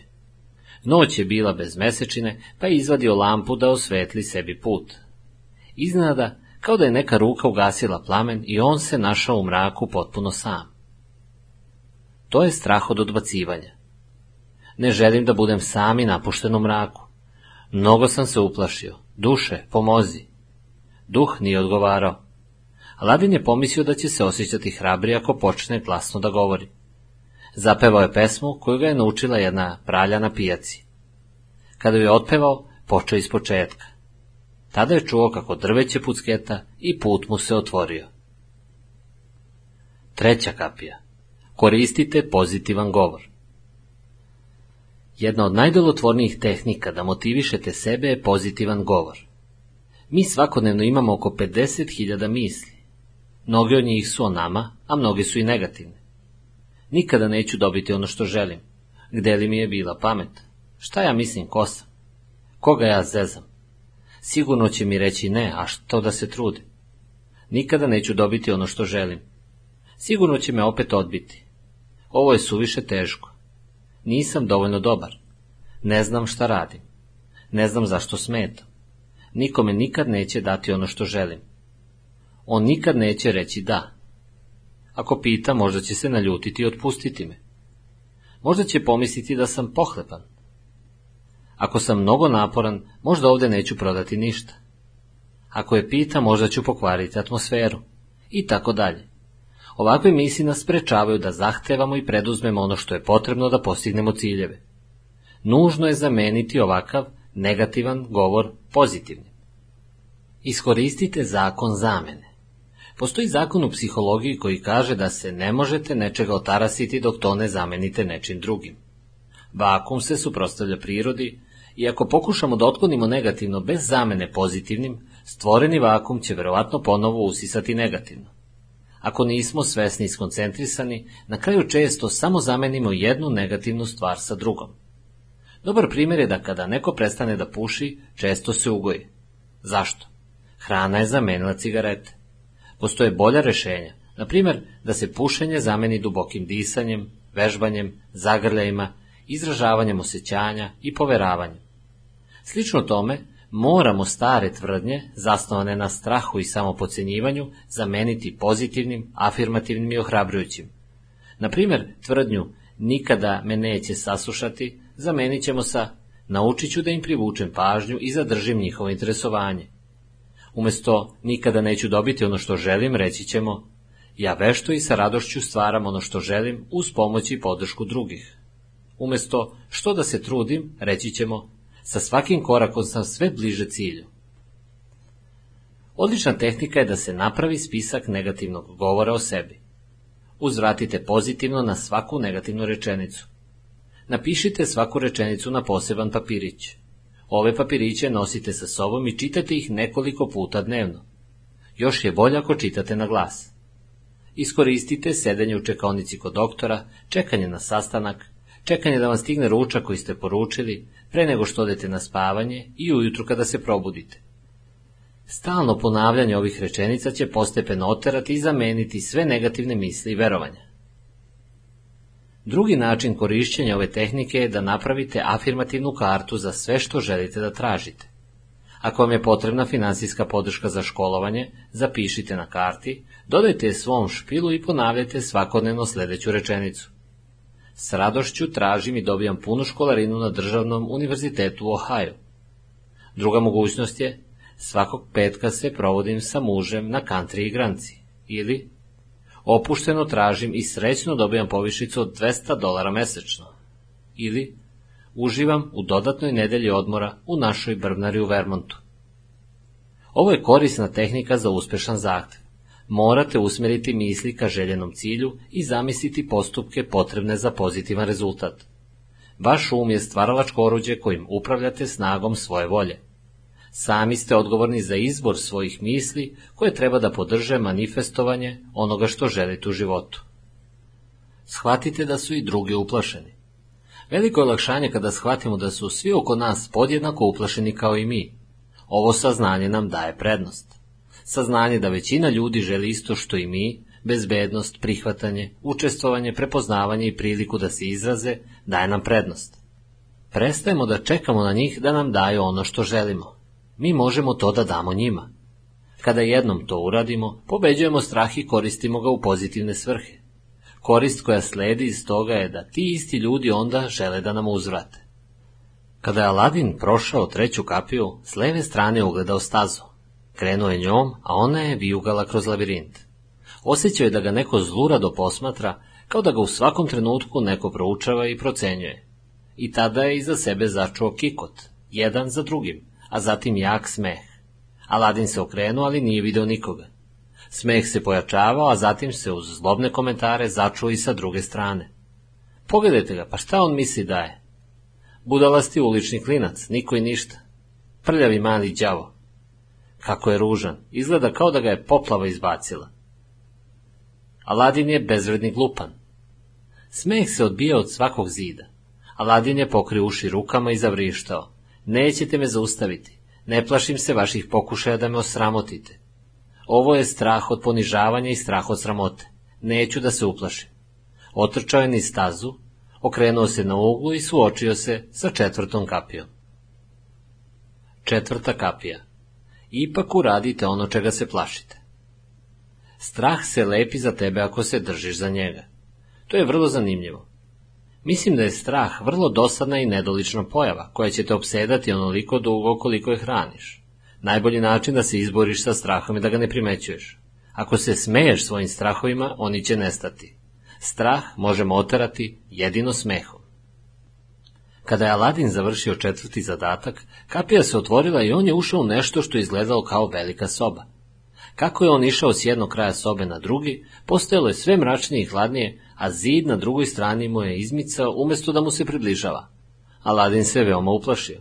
Nije znao šta se dešava. Soba se menjala pred njegovim očima i on je osjećao da je bespomoćan. Skrhan pao je na pod. To je bio strah od promene i strah od nemoći. Počeo je da se znoja, a zatim je čuo. Šta je najgore što može da ti se desi? Pred njim je u zidu bila peta kapija. Peta kapija. Polako napredujte ka velikim stvarima. Da biste izgradili svoju sposobnost zahtevanja, počnite polako od malih koraka. Slavite male pobede. One su kameni međaši ka većim osvajanjima. Svakog dana zahtevajte malo više. Razvijajte svoju snagu korak po korak. Svakodnevno zahtevajte nešto malo veće. Budite odlučniji. Krećite se ka sve većim izazovima. Vežbajte da zahtevate i bit ćete sve bolji. Vežbajte sve principe i tehnike koje ćete naučiti u trećem delu knjige. Vežbajte sa svojom decom, suprugom, roditeljima, prijateljima i kolegama. Vežbajte, vežbajte, vežbajte. Polako počnite sa dobroćudnim ljudima. Podsjetite se zašto tražite. Da biste prevazišli strah, korisno je da se podsjetite zašto nešto tražite. Koja je najvažnija svrha? Šta ćete postići ako zatražite i dobijete ono što želite? Hoćete li moći da pošaljete svoju decu na fakultet? Hoćete li moći da prehranite porodicu, da obezbedite penziju, da nahranite beskućnike? Hoćete li moći da diplomirate i dobijete bolje plaćen posao? Kada jednom budete sagledali viši cilj, strahovi će vam često izgledati sitni u poređenju sa onim što ćete postići molbom. Zapitajte se, kako će mi ovo koristiti? Kako će ovo koristiti onima do kojih mi je stalo? Porodici, prijateljima, timu, školi, crkvi, kompaniji, zajednici, državi, zemlji. Malo po malo pobedite strah od promene. Ako vam se ne dopada život koji trenutno stvarate, počnite danas da menjate svoje misli, slike i ponašanje malo po malo. Ne možete očekivati da vam se život menja, da se ponašate isto. Kao što se kaže, ako nastaviš da radiš isto kao i uvek, isto ćeš i da dobijaš. Drugim rečima, da su vaši sadašnji postupci mogli da stvore više od onoga što želite, to bi se već pokazalo. Verovatno je najbolji izraz ovog principa jedna od definicije ludila. Ludilo je kada se ponašaš isto, a očekuješ drugačije rezultate. Postoje samo tri načina da poboljšate svoj život. Prvi, shvatite šta uspeva pa to radite češće. Drugi, shvatite šta ne uspeva i prestanite to da radite. I treći, pokušavajte nešto novo i vidite šta uspeva, a šta ne. Prihvatite ono što uspeva. Zašto se ljudi opiru promeni i napretku? Ako su sve ideje i postupci koje smo naveli tako dobri, zašto se onda tako malo ljudi zaista promeni?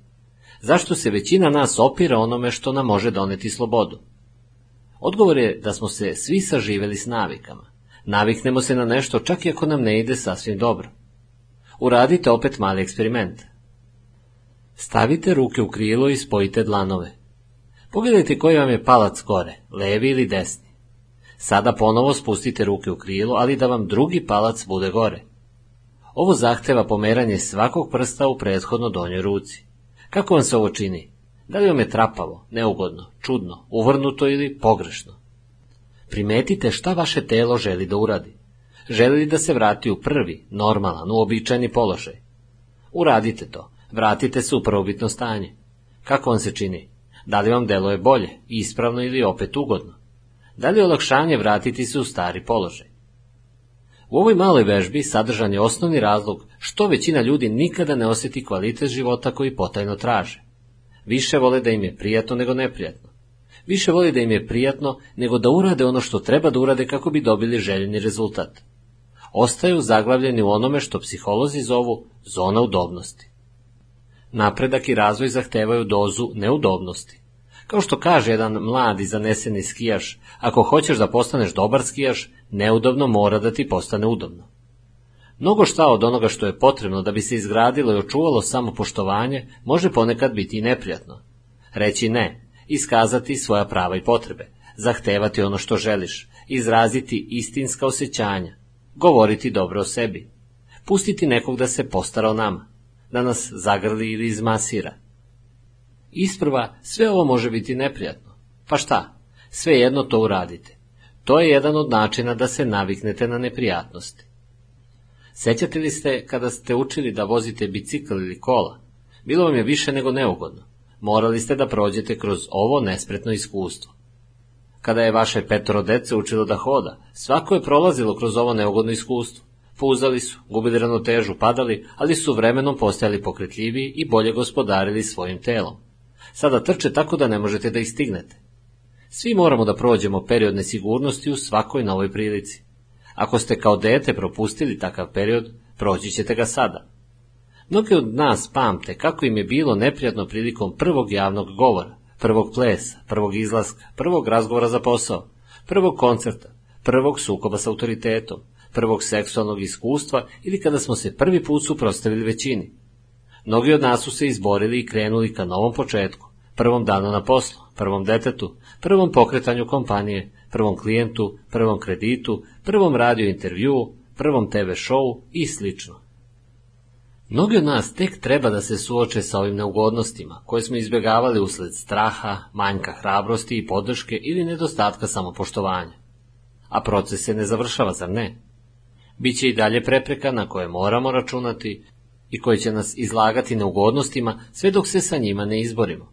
Prva smrt nekog bliskog, prvi prijatelj koji je obolao od raka ili ejica, prva neželjena trudnoća, prva ozbiljna bolest ili nesreća, prvi razvod, prvi znaci starenja, prvi testament, prvi sudski proces, prvi put kada naše dete prekrši zakon ili odluči da neće da ide na koleđ. Život je niz novih iskustava koja mogu biti shvaćena kao neželjene patnje ili potencijalne avanture. Izbor je na vama. Dozvolite sebi da budete trapavi. Šta god budete učili, u početku ćete biti nespretni. Dozvolite sebi da budete početnik, onaj koji uči. Ako sami sebe ne zaustavimo, nove teritorije su mesta gde se najviše možemo osjetiti živima. Dozvolite sebi da učite. Šta god da učite, u početku ćete biti nespretni, bilo da plešete, vozite kola, idete na kuglanje, izlažete govor ili zahtevate šta želite. U početku ćete se možda osjećati trapavo ili neugodno, ali početak će vam uliti poverenje za veće stvari. Normalno je da ćete prvi put najverovatnije nespretno pitati nekog za izlazak, prvi put konkurisati za kredit ili prvi put pitati za povišicu. Dozvolite sebi da prođete kroz stanje nespretnosti. To je neophodan korak na putu do majstorstva. Ako želite da postanete vešti, morate biti voljni da kroz to prođete. Svako iskustvo gledajte kao iskustvo učenja i napredovanja. Postajaćete sve bolji svaki put kada nešto zahtevate. Podsvest neprestano procenjuje vaše postupke i odgovore koje izmamljujete od drugih. Kada je prošao petu kapiju, Aladinu je bilo malo hladno. Kako je hodao, bilo mu je sve gore, hladnije nego ikad. Nikada pre nije osjećao da mu se telo i um polako smrzavaju. Ubrzo je primetio ledenice na tavanu pećine i kosti su mu se protresle. Kada se neko osjeća kao da su ga svi odbacili, mora biti da mu se to dešava u srcu. Ovo mora da je strah od odbacivanja. A kada je imenovao strah, pod pred njim se otvorio i on ugleda šestu kapiju. Šesta kapija. Značenje odbacivanja. Morate zapamtiti da postoje dve oblasti uma. Jedna su činjenice, a druga je smisao. Ljudi su vođeni potrebom da osmisle svaku činjenicu i svaki događaj uključujući odbacivanje. Ali istina je da su sve činjenice samo proste činjenice, a da su svi događaji besmisleni. Smisao dajete vi sami, a odluka da neka činjenica ili događaj imaju smisao postaje poput kutije nepoznatog sadržaja koja vas može ograničiti i obeshrabriti. Kada nekom događaju odredite smisao, morate da stvorite nove činjenice ili životne iskustva kojima ćete ga opravdati. U suprotnu ćete poludeti. Ako ste kao dete bili odbačeni, smatrate da ne valjate. Istina je da nije tačno da zaista ne valjate, već ćete, pošto ste sebi rekli da ne valjate, prikupljati podatke kako biste to sebi dokazali, što će vas opet samo učvrstiti u vašem uverenju. Kada ste odbačeni, obično mislite da sa vama nešto nije u redu, da ste zbog nečeg nedovoljno vredni da budete prihvaćeni. Ubedite sami sebe da ne valjate, da ste promašeni, nedostojni ljubavi, da je svet okrutan prema vama i da su drugi nemarni okrenuti sebi. Ali odbacivanje ne znači ništa od ovoga, sve dok vi ne odlučite da bude tako. Kao što nekom neutralnom događaju dajete negativno značenje, tako značenje možete na isti način i da promenite jer izbor postoji. Na vama je da vežbate. Ako možete da mislite na jedan način, možete i na drugi. U oba slučaja odluka je vaša. Zašto biste sobstvenim razmišljanjem sebe paralisali, obogaljivali, obeshrabrivali, da osmislite svoj život onako kako želite? Zapamtite, izbor uvek postoji. Zapamtite, ne se ne odnosi na vas. Mnogi misle da ako su odbijeni, to znači da su loši, promašeni, bezvredni i nedorasli, a to nije tačno. U stvari, to ništa ne znači. Činjenica. Od svojih roditelja nisam dobio ono što sam želeo. Smisao, koji ste sami odredili, ja ne valjam i nisam vredan da budem prihvaćen. Da sam vredan ljubavi, oni bi mi dali sve što sam želeo i što mi je bilo potrebno. Da vredim, to bih imao, a pošto to nisam dobio, to znači da nisam ni vredan. Ponašanje. Sedim u ćošku i ne učestvujem. Ne tražim ono što želim. Ne dobijam ono što želim. Zadovoljavam se sa manje od onoga što želim i što mogu. Ništa ne shvatajte lično. Čeka me posljednja, sedma kapija, ali ne mogu da je nađem. Tako sam umoran i izgubljen, jedva se vučem napred. Kada bih samo mogao da zaspijem. Ako je ne nađem, pašću. Stigao sam daleko, dalje nego što sam mogao i da pretpostavim. Aladin se osjećao kao da će zaplakati, ali muškarci ne plaču, a on je bio skoro čovek. Osjećao je da više nema snage u telu ni u mišićima i samo je želeo da zaspi. Legao je i pogledao u nebo, kao da od njega očekuje odgovor. I tada je video neverovatnu lepotu. Sedma kapija je bila iznad oblaka. Sa radošću je doletao pred nju na svom magičnom ćilimu. Sedma kapija. Zapamtite, to je igra brojeva. Clement Stone, osnivač velike kompanije za osiguranje i jedan od genija motivacije našeg veka, bio među najvećim majstorima poduke prodavaca u prevazilaženju strahova. Klement je znao da će oni verovatno odustati posle deset poziva, ako nemaju način da istraju dok ne čuju da. Zato im je dao 25 dugmadi s uniformi marinaca i rekao im da ih stave u levi džep pantalona. Svaki put kada bi obavili poziv, trebalo je da premeste jedno dugme u desni džep. Nisu mogli da završe radni dan, dok svih 25 dugmadi ne bi premestili iz jednog džepa u drugi. Zato nisu odustajali, a do kraja dana bi postigli neku prodaju, što ih je motivisalo da nastave. Tako su postali sposobni da podnesu odbijanje, jer su shvatili da postoji šansa za prihvatanje. Ova jednostavna ali uspešna tehnika pomogla je hiljadama prodavaca da prevaziđu strahove i izgrade unosnu karijeru. Razmislite kako da u svom životu primenite isti princip. Magična formula uspešnih treba da shvatite da ćete možda morati da zamolite mnogo ljudi mnogo puta dok ne dobijete ono što želite. Neki će reći da, a neki ne. Pa šta? Nastavite. Možda ćete čuti mnogo odbijanja, ali napor će vam se možda isplatiti zbog samo jednog da. I zapamtite, neko čeka da mu priđete. Treba samo da upitate mnogo ljudi dok ne naiđete na prave. Zapamtite, morate da molite, molite, molite. Zato napred. Počnite danas. Odmah. Uradite večernju vežbu za pregled. Odlično sredstvo da se ubrza promena ponašanja je vežba, večernji pregled. Ona je veoma jednostavna i daje značajne rezultate. Svako veče odvojite za sebe nekoliko minuta u tišini. Ako ne možete negde drugde, uradite u krevetu. Udahnite duboko nekoliko puta i opustite se. Zatim postavite sebi sledeća pitanja i obratite pažnju na što ste postali svesni. Odgovore vam mogu doći u zamislima ili rečima. Oba načina su dobra. Šta sam danas želeo, a nisam tražio? Ko bi mi pomogao da sam tražio? Gde sam mogao da tražim šta želim i to da dobijem? Kako da tražim sa više efikasnosti?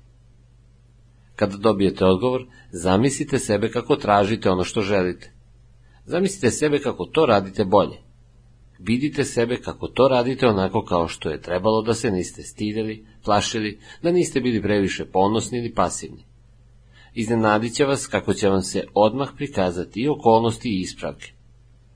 Dnevne aktivnosti nam zamagljuju svest što je prvi stepen u promeni ponašanja. One vam takođe programiraju podsvest da se u buduće ponašate sa više samopouzdanja i delotvornije. Neka vam ovo bude svakodnevni ritual sve dok ne vidite promenu u svom ponašanju. Baš vas briga, tražite, pa šta bude. Kada god se uplašite, zatvorite oči, udahnite duboko i ako je moguće glasno, ponovite ovo nekoliko puta. Začuđujuće je delotvorno. Kada je Aladin završio test na sedmoj kapiji, osjetio je na vratu dašak vetra. Okrenuo se i video na ramenu divnog leptira s krilima od ćilibara i zlata. Leptir mu melodičnim glasom reče, sledi me, Aladine, izvešću te iz lavirinta. Uspeo si da pobediš sve strahove i obavio si sve zadatke na kapijama. Život će ti postati divan poput staze koju si prošao. Blagoslovio si sebe sobstvenim naporima. Aladin se pogledao i video da je obučen u najlepšu svilu kakvu je ranije zamislio. Da li je ovo stvarno? Da li je moje? To je samo početak, Aladine. Od sada sve što želiš može biti tvoje. Leptir je poletao ispred Aladina i poveo ga kroz divno cveće, kraj potoka što su milozvučno žuborili preko stena od svetlucavih dragulja.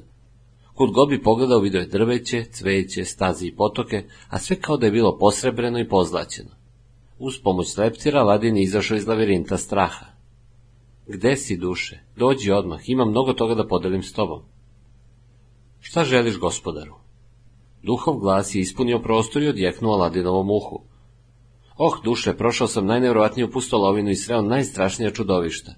Ovo je leptir, rekao je Aladin i okrenuo se, ali leptir je nestao. Kuda je otišao? I leptir je bio plod tvoje mašte, kao i sve što si video u lavirintu straha.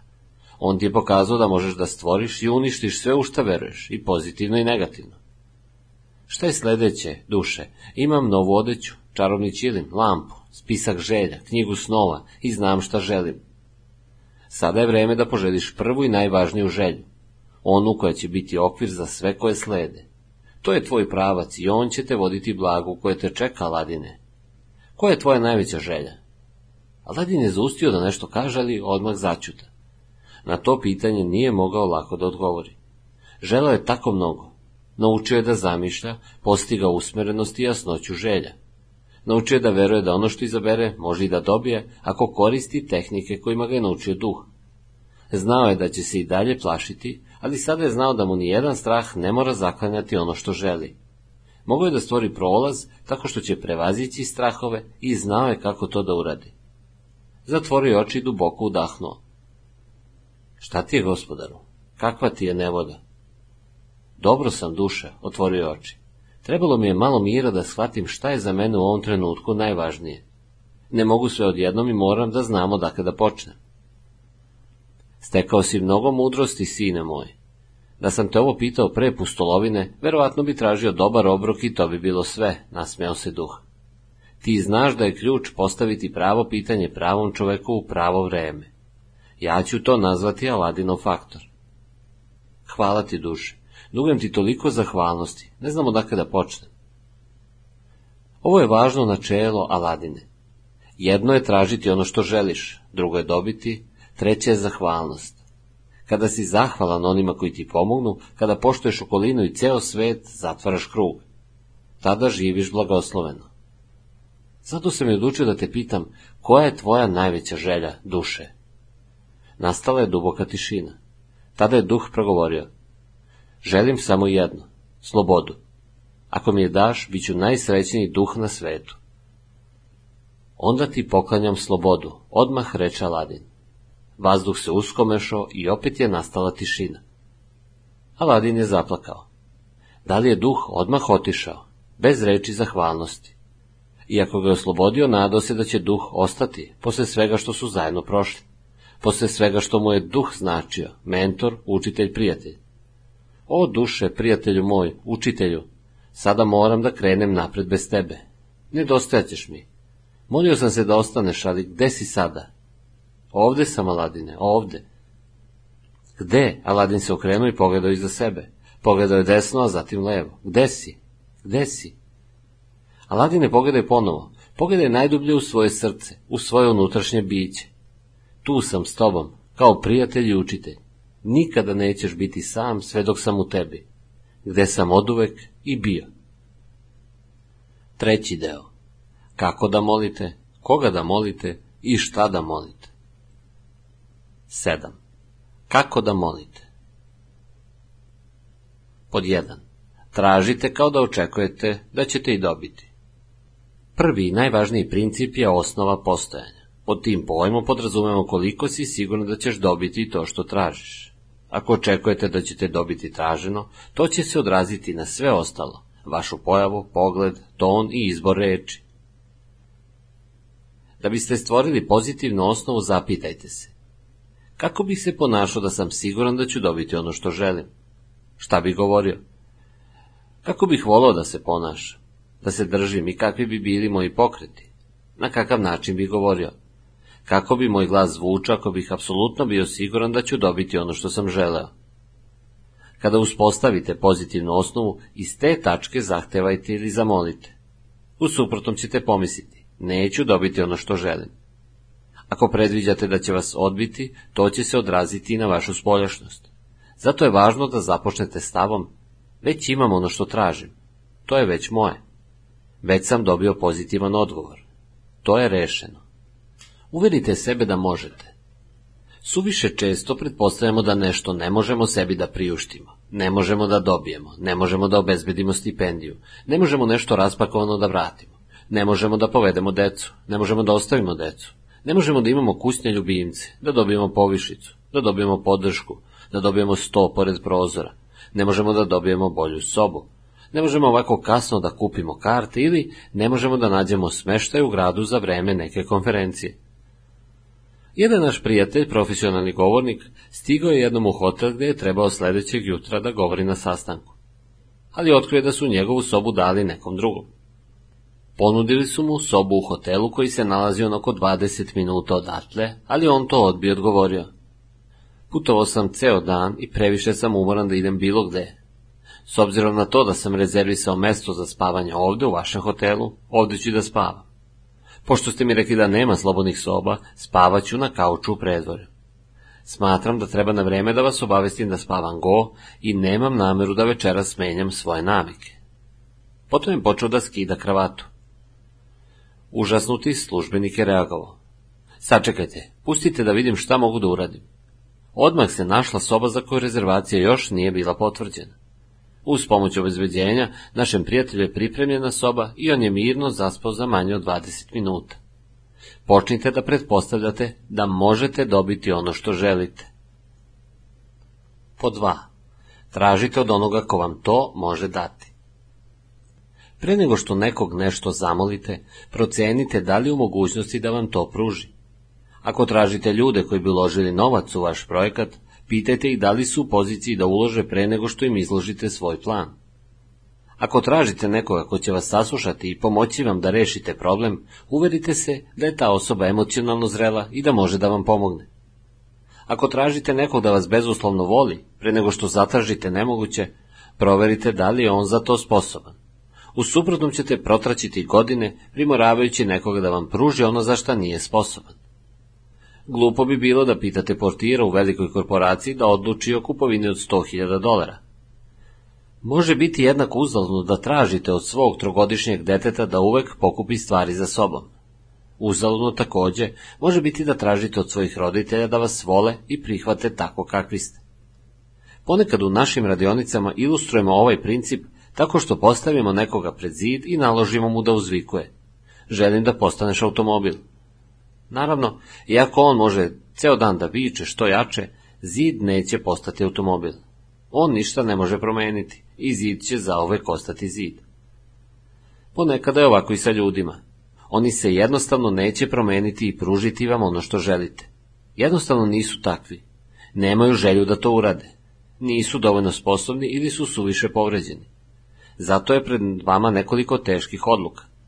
Možda ćete morati da napustite ekipu iz firme, okruženje ili vezu da biste dobili ono što želite. Ovo nije uvek lako i može zahtevati preduzimanje nekih vrlo napornih ili rizičnih postupaka. Ali to je bolje nego da se nadate nečemu što je od nekog nemoguće dobiti. Zamolite stručnjake. Nedavno su nas zamolili da razgovaramo s direktorima prodaje jedne velike optičke kompanije. Pre toga smo identifikovali najboljih pet organizatora prodaje.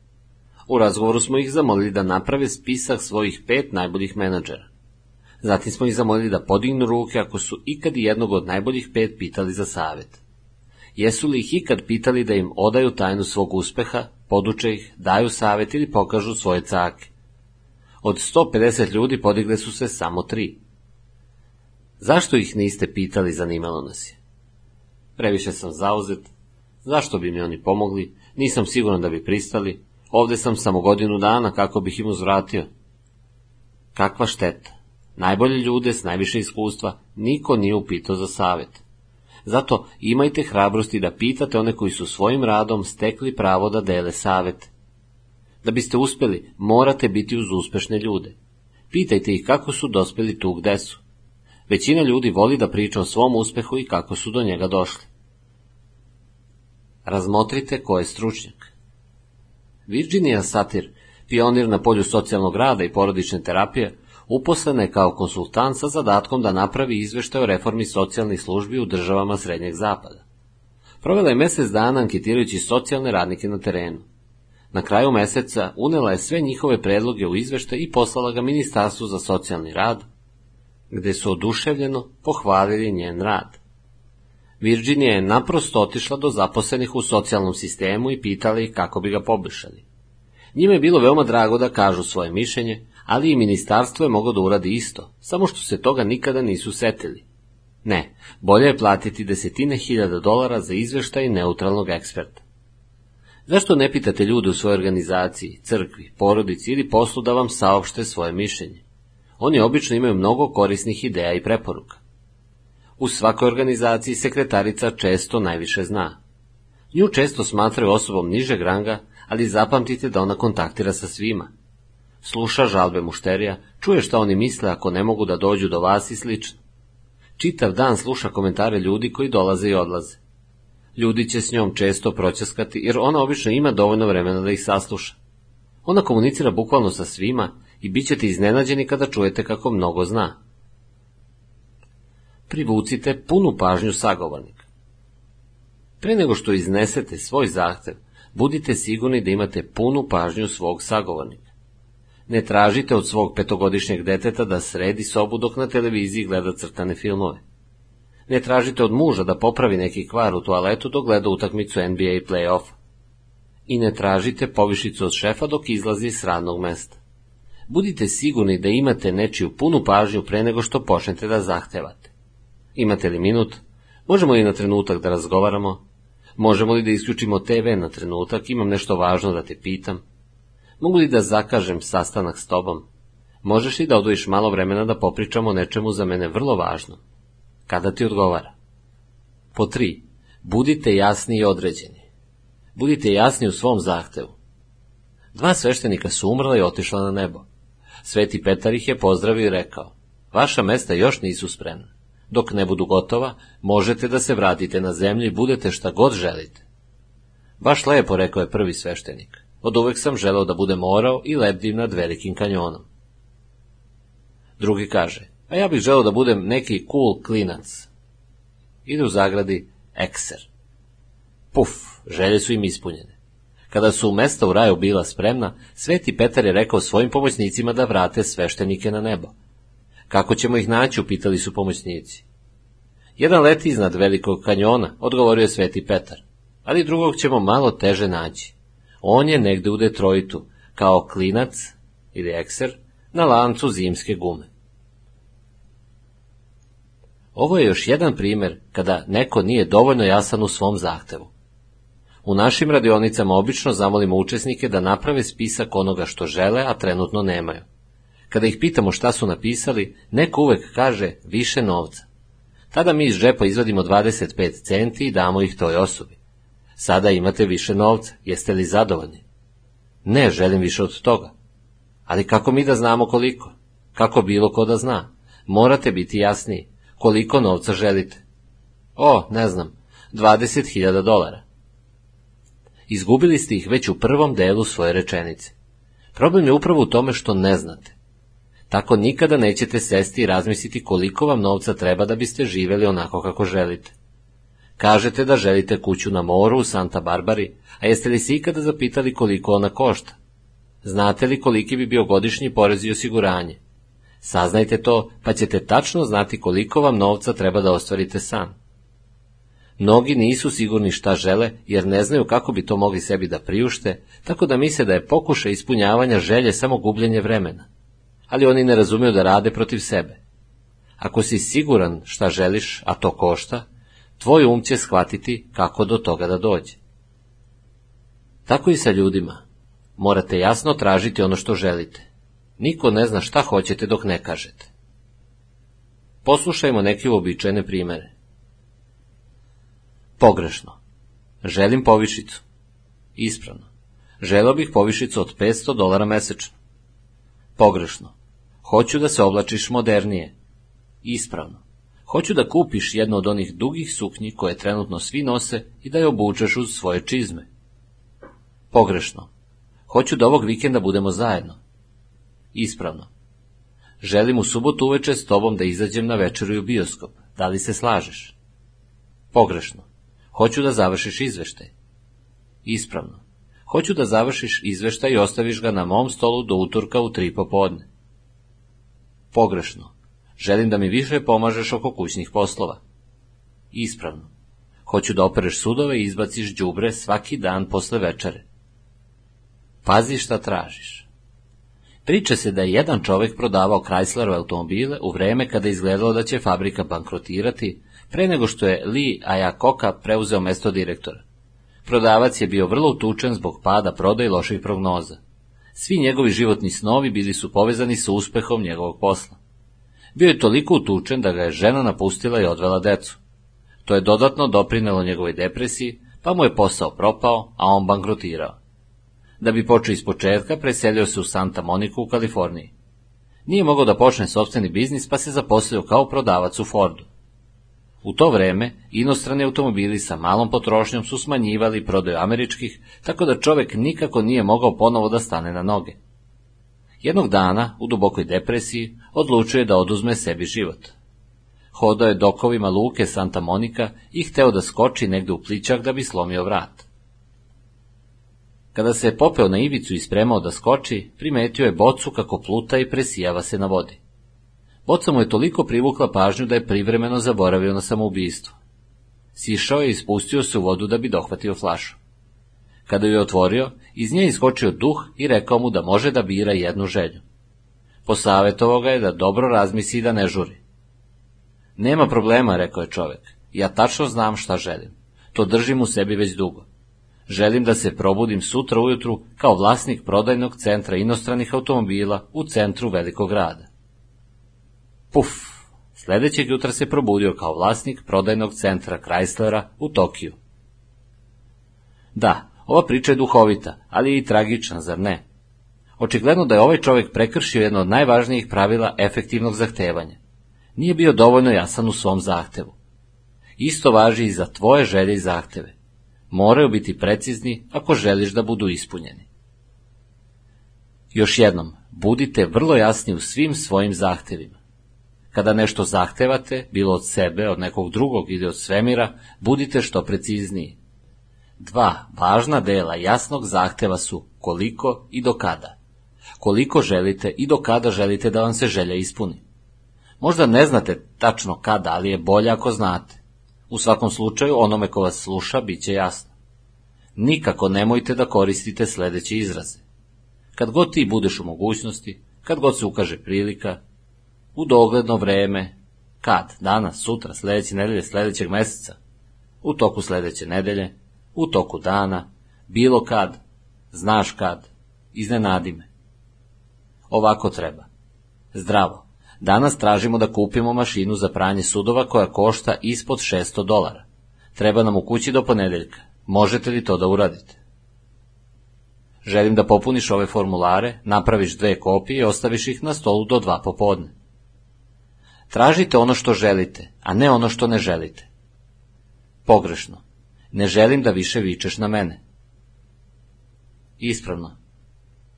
Želim da prestaneš da vičeš. Govori sa mnom normalnim tonom. Ako počneš da gubiš vlast nad sobom, izađi na pet minuta i vrati se kada se smiriš. Pogrešno. Ne lupaj vratima kad izlaziš. Ispravno. Molim te, zatvaraj vrata polako kad izlaziš. Ovo je važno jer kada nekom kažete šta ne želite, u njegovoj glavi se stvara slika na osnovu reči koje koristite. Ne lupaj vratima, stvara sliku lupanja vratima. Zatvori vrata polako, stvara sliku laganog zatvaranja vrata. Psiholozi kažu da podsvest ne propušta negativne reči. Zato da ponovimo. Ne lupaj vratima postaje zalupi vrata. Sada vidite zašto je važno da tražite ono što želite, umjesto onoga što ne želite. Pod četiri. Zamolite iz srca. Zamolite strasno. Molite kao da vam je hitno. Gledajte u oči kada molite. Kada nešto zahtevate od nekoga, održavajte kontakt očima. Ako skrećete pogled, ulivaćete manje poverenja. Takođe, ovakvim kontaktom možete uočiti neverbalne reakcije. Ako gledate na stranu, propustit ćete te važne znake. Zamolite ljubaznim glasom. Molite učtivo.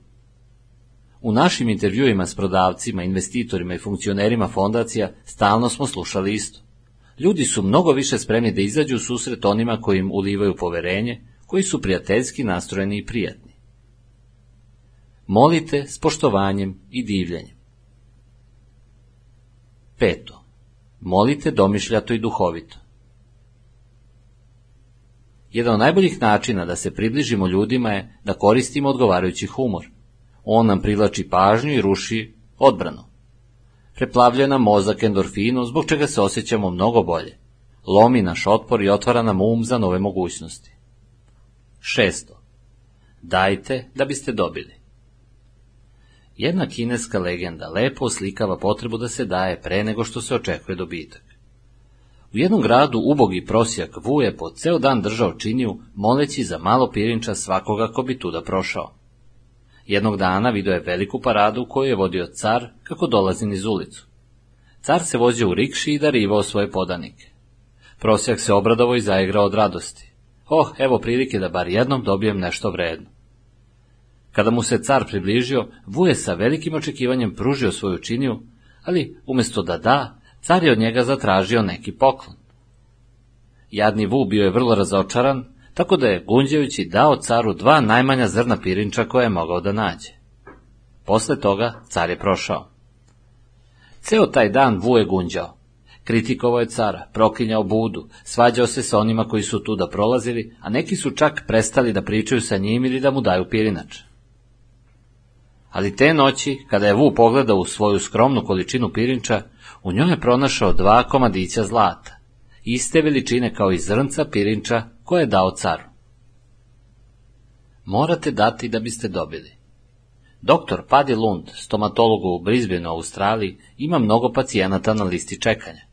On pacijentima služi sveže pecivo i čaj dok čekaju na intervenciju. Ovako je jedan od njegovih pacijenata odgovorio na pitanje zašto dolazi baš kod Padija. Zašto dolazite ovde kada možete ići bilo gde drugde? Zato što me ovde vole. Kako to mislite? Pa, pre nekoliko nedelja je trebalo da dođem, ali su me odložili iz nekog razloga. Laboratorija nije isporučila materijal i zato su me zvali i izvinili se. Te noći sam dobio i bocu konjaka sa porukom izvinjavamo se. To me je zaista oduševilo. Padi baš polaže na svoje klijente i zato traži mnogo za uzvrat. Poklanjajte. Dajte kompliment ili pohvalu. Recite partneru kakvu korist on ili ona ima od toga. Sedmo. Molite više puta. Recite sledeći put. Prevedite svako ne sa sledeći put. Ne ne znači stop. To znači ne ovde, ne sada, ne još. Zato nastavite da molite. Ako vam neko kaže ne, vi recite sledeći put. Na svetu ima oko 5 milijardi ljudi. Neko je vredan molbe, samo ga morate pronaći. Jack je zamolio učesnicu jednog svog seminara da napiše kako se tu našla. Ovo pismo pokazuje koja je korist od upornosti. Dragi Jack, posle tvog seminara osjetila sam da je potrebno da pohađam i sledeći nivo. Prepreke zbog novca, brige o deci i porodici su mi izgledale nevažne u poređenju sa razlozima za pohađanje seminara, a razlog sam bila prvenstveno ja. Na prvom nivou Rebeka mi je dala knjigu Melem za dušu sa upustom da je čitam svoje deci. Jedna priča Rika Gelina sam je ohrabrila u naporu da pohađam sledeći nivo. Trebalo je najpred da obezbedim novčanu pomoć. Tako da sam napravila porodični ručak za roditelje, braću i sestre. Na pola ručka sam oduševljeno objavila svoju nameru da pohađam drugi nivo kursa i naglasila da, u skladu s tradicionalnim poklonima za Božić i rođendan, mogu da mi prilože nešto novca za odlazak na seminar. To je propraćeno ravnodušnom tišinom i nastavili smo da jedemo. Sledeće.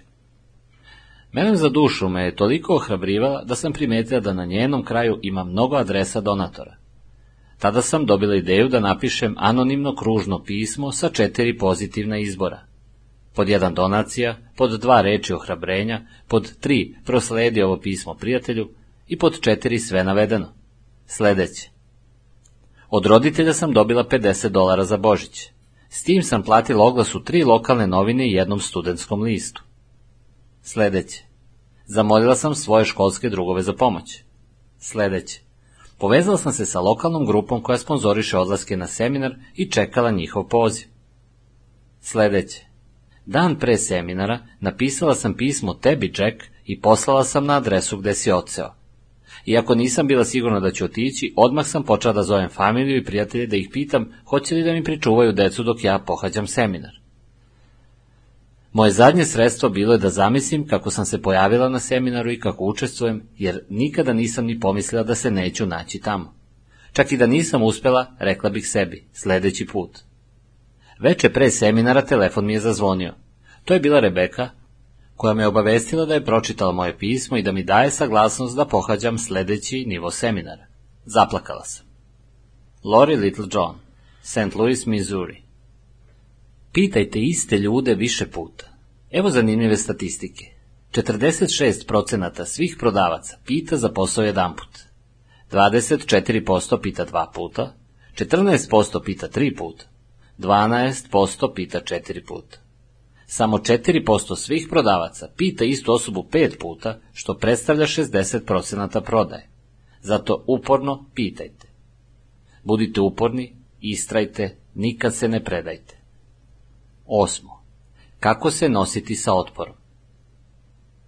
Ne gubi pribranost. Ne stvarajte otpor. Pitajte sa autoritetom, ali budite spremni na ne. Ne može biti sreća u nesreći. Prihvati ne sa dostojanstvom. I ne ruši mostove za sobom.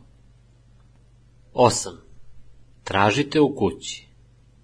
Da li želite više vremena? više pažnje, nepodeljenu pažnju, više poštovanja, duži zagrljaj, više poljubaca, da vam neko obriše leđa, masažu, više seksa, više intime, više romantike, više iznenađenja, više para, manje pritiska, više zabave, više ljubavi i podrške, manje kritike, pomoć oko pranja sudova, pomoć oko kućnih poslova, pomoć oko domaćeg zadatka, dozvolu za sastanak, dopuštenje, više privatnosti, da vaši roditelji prestanu da se svađaju, manje buke, više mira i tišine, da svako stavi stvari na mesto nakon upotrebe, pomoć oko računa, više saradnje, odmor, nekoga da čuva decu, pomoć oko posla, da ne pozajmljuju vašu odeću bez pitanja, da neko pripremi večeru, da neko prestane da pije, da se neko otvori i kaže istinu o svojim problemima, da vam neko pomogne da se oslobodite autodestruktivnih navika, da vaš partner preduzme nešto po pitanju kontracepcije, da vaš bračni partner poseti savjetnika, da znate šta se dešava, jasnije granice, da neko ne zauzima odbrojeni stav, da vam pomogne oko plaćanja rente, da vam se kola vrate s punim rezervoarom. Tražite od bračnog partnera. Da me stvarno voli, ne bih morala da tražim. Ovo pogrešno uverenje neprekidno stvara patnju i bol mnogim parovima. Samo ako ste udat ili oženjeni vidovitom osobom ili osobom koja čita misli, partner može znati šta želite ako mu ne kažete. To je tako jednostavno. To ne znači da vas partner ne voli, već samo da ne posjeduje vidovnjačku moć. Kao što ni duh iz lampe ne može da obeća Ladinu da će mu ispuniti želju dok je ne čuje, bračni partner ili ljubavnik ne može ispuniti vaše želje ako ne zna koje su. Ako želite više romantike, pažnje, nežnosti ili pomoći oko sudova, morat ćete to i da tražite. Kakve veze ljubav ima s tim? Odgovor je nikakve. Koliko ste puta čuli ljude kako govore, da me stvarno voliš, ne bih morao ili morala da te molim. E pa to nije istina. Stvarno je moguće da vas neko voli, a da ipak ne zna vaše želje. To dvoje ne ide uvek zajedno. Samo napred, tražite. Budite sasvim određeni. Pružite nekom priliku da se odazove vašim molbama. Ako želite da idete na piknik na okeanu za rođendan, kažite mu. Ako želite da vam izmasira leđa pre nego što legnete, kažite mu. Ako želite hranu pripremljenu na određen način, recite to. Ako želite, recite. Tražite zagrljaj. Istraživanja pokazuju da su nam potrebna četiri zagrljaja svakoga dana da bismo preživeli, osam da bismo se održali i 12 da bismo se razvijali. Da bismo se razvijali treba nam 12 zagrljaja svakog dana. Zagrljaje ima letkovito dejstvo na čovekovo telo. Zagrljaji štite imunni sistem. Oni nam pomažu da se osetimo da smo posebni. Oni neguju dete koje žive u nama. Pomažu nam da osetimo bliskost sa porodicom i prijateljima. Nažalost, mnogi od nas su odrasli u domu gde nije bilo mnogo zagrljaja i ne umeju da zatraže niti da pruže zagrlje. Nekoga su zbog toga možda zadirkivali da je siroče. U jednogodišnjem istraživačkom projektu saznali smo da 83% ljudi koje smo ispitivali doživi manje od jednog zagrljaja dnevno. Prosek je četiri nedeljno. Čak 97% onih koji su bili obuhvaćeni istraživanjem želelo je više zagrljaja nego što su dobijali. Nikada se nemojte stideti zbog svoje prirodne ljudske potrebe za dodirivanjem i grljenjem. Želimo da vas ohrabrimo da kažete kako želite zagrljaj. Jednostavno recite, želim da me zagrliš, jer je to način da dobijete više zagrljaja. Neka vam bude cilj da tražite i dobijete 12 zagrljaja svakog dana. Tražite nežnost i bliskost. Možda ćete morati da zamolite svog partnera da malo uspori i bude nežniji, da bude blag i romantičan u razgovoru, dodirima, kao osoba. Dr. Barbara De Angelis uči ljude na svojim seminarima o odnosima između partnera i kako da izdvoje vreme za ljubavne zalogaje, kratke periode u trajanju od po 5 minuta za ljubljenje, držanje za ruke, milovanje, duži kontakt očima, ljubavni razgovor, sve ono što čini da se osoba oseti voljeno. Budite spremni da zamolite za ono što vam je potrebno na polju intimnosti, ljubavi i nežnosti. Zamolite, ne naređujte. Potrudite se da ono što želite od svog bračnog partnera tražite tako da to zvuči kao molba, a ne kao naređenje. Kada smo uplašeni ili nesvesni, obično se vraćamo starim obrascima ponašanja kao što su plač, pritužbe, zanovetanje, u stilu trebalo bi. Niko ne voli da mu se natovari gomila stvari koje bi trebalo da obavi. Prirodna je sklonost svakoga od nas da se pobuni i opire. Kada god čujete sebe kako svom partneru govorite trebalo bi, zastanite i zapitajte se, šta ja tu stvarno hoću, a onda zatražite jasno i glasno. Kada želite da vaš bračni partner promeni svoje životne navike, zato što vam nešto u njenom ili njegovom ponašanju smeta, zapamtite da treba to da uradite po sledećoj formuli. Kada ti, pa kažete šta, ja mislim da bi trebalo to i to i osjećam to i to. Molim te da uradiš to i to. Kada upotrebite ovu formulu kao način komunikacije, vi priznajete svoje emocije. Ne prebacujete na drugog odgovornost za svoje osjećanja. Samo im govorite šta se dešava u vama kada oni čine ono što čine. Tada imate svoj zahtev. Oni imaju pravo da ga prihvate ili ne, ali najmanje što mogu je da saznaju šta vi želite i zašto to želite. Kada svoj zahtev ovako izložite, on neće izazvati odbrameni stav kod onoga kom je upućen. Lakše ga je saslušati jer u ovakvoj komunikaciji nema nametanja krivice. Stoga nemate ni od čega da se branite. Na taj način slušalac može svu pažnju da usredsredi na to da li želi da izađe u susret vašoj molbi. Žene žele da im muž ili mladić pomaže oko kućnih poslova, pranja sudova, iznošenja đubreta, stavljanja dece na spavanje, čišćenja ili vođenja poslova. Kada to od njih ne dobiju, u ženama se javlja duboka ozlojeđenost prema partneru, naročito ako i ona svakoga dana provodi 8 sati na poslu. Ako o toj ozlojeđenosti ništa nije rekla i nije uputila jasnu molbu, to na kraju može da dovede do emocionalne krize u vezi. Ljubav nestaje, a bliskost i seks blede. Veoma je važno da se uvek jasno izlože sva očekivanja i molbe, tako da ljubav i bliskost mogu da cvetaju. Tražite zahvalnost i poštovanje. Sasvim je u redu da tražite da vas uvažavaju.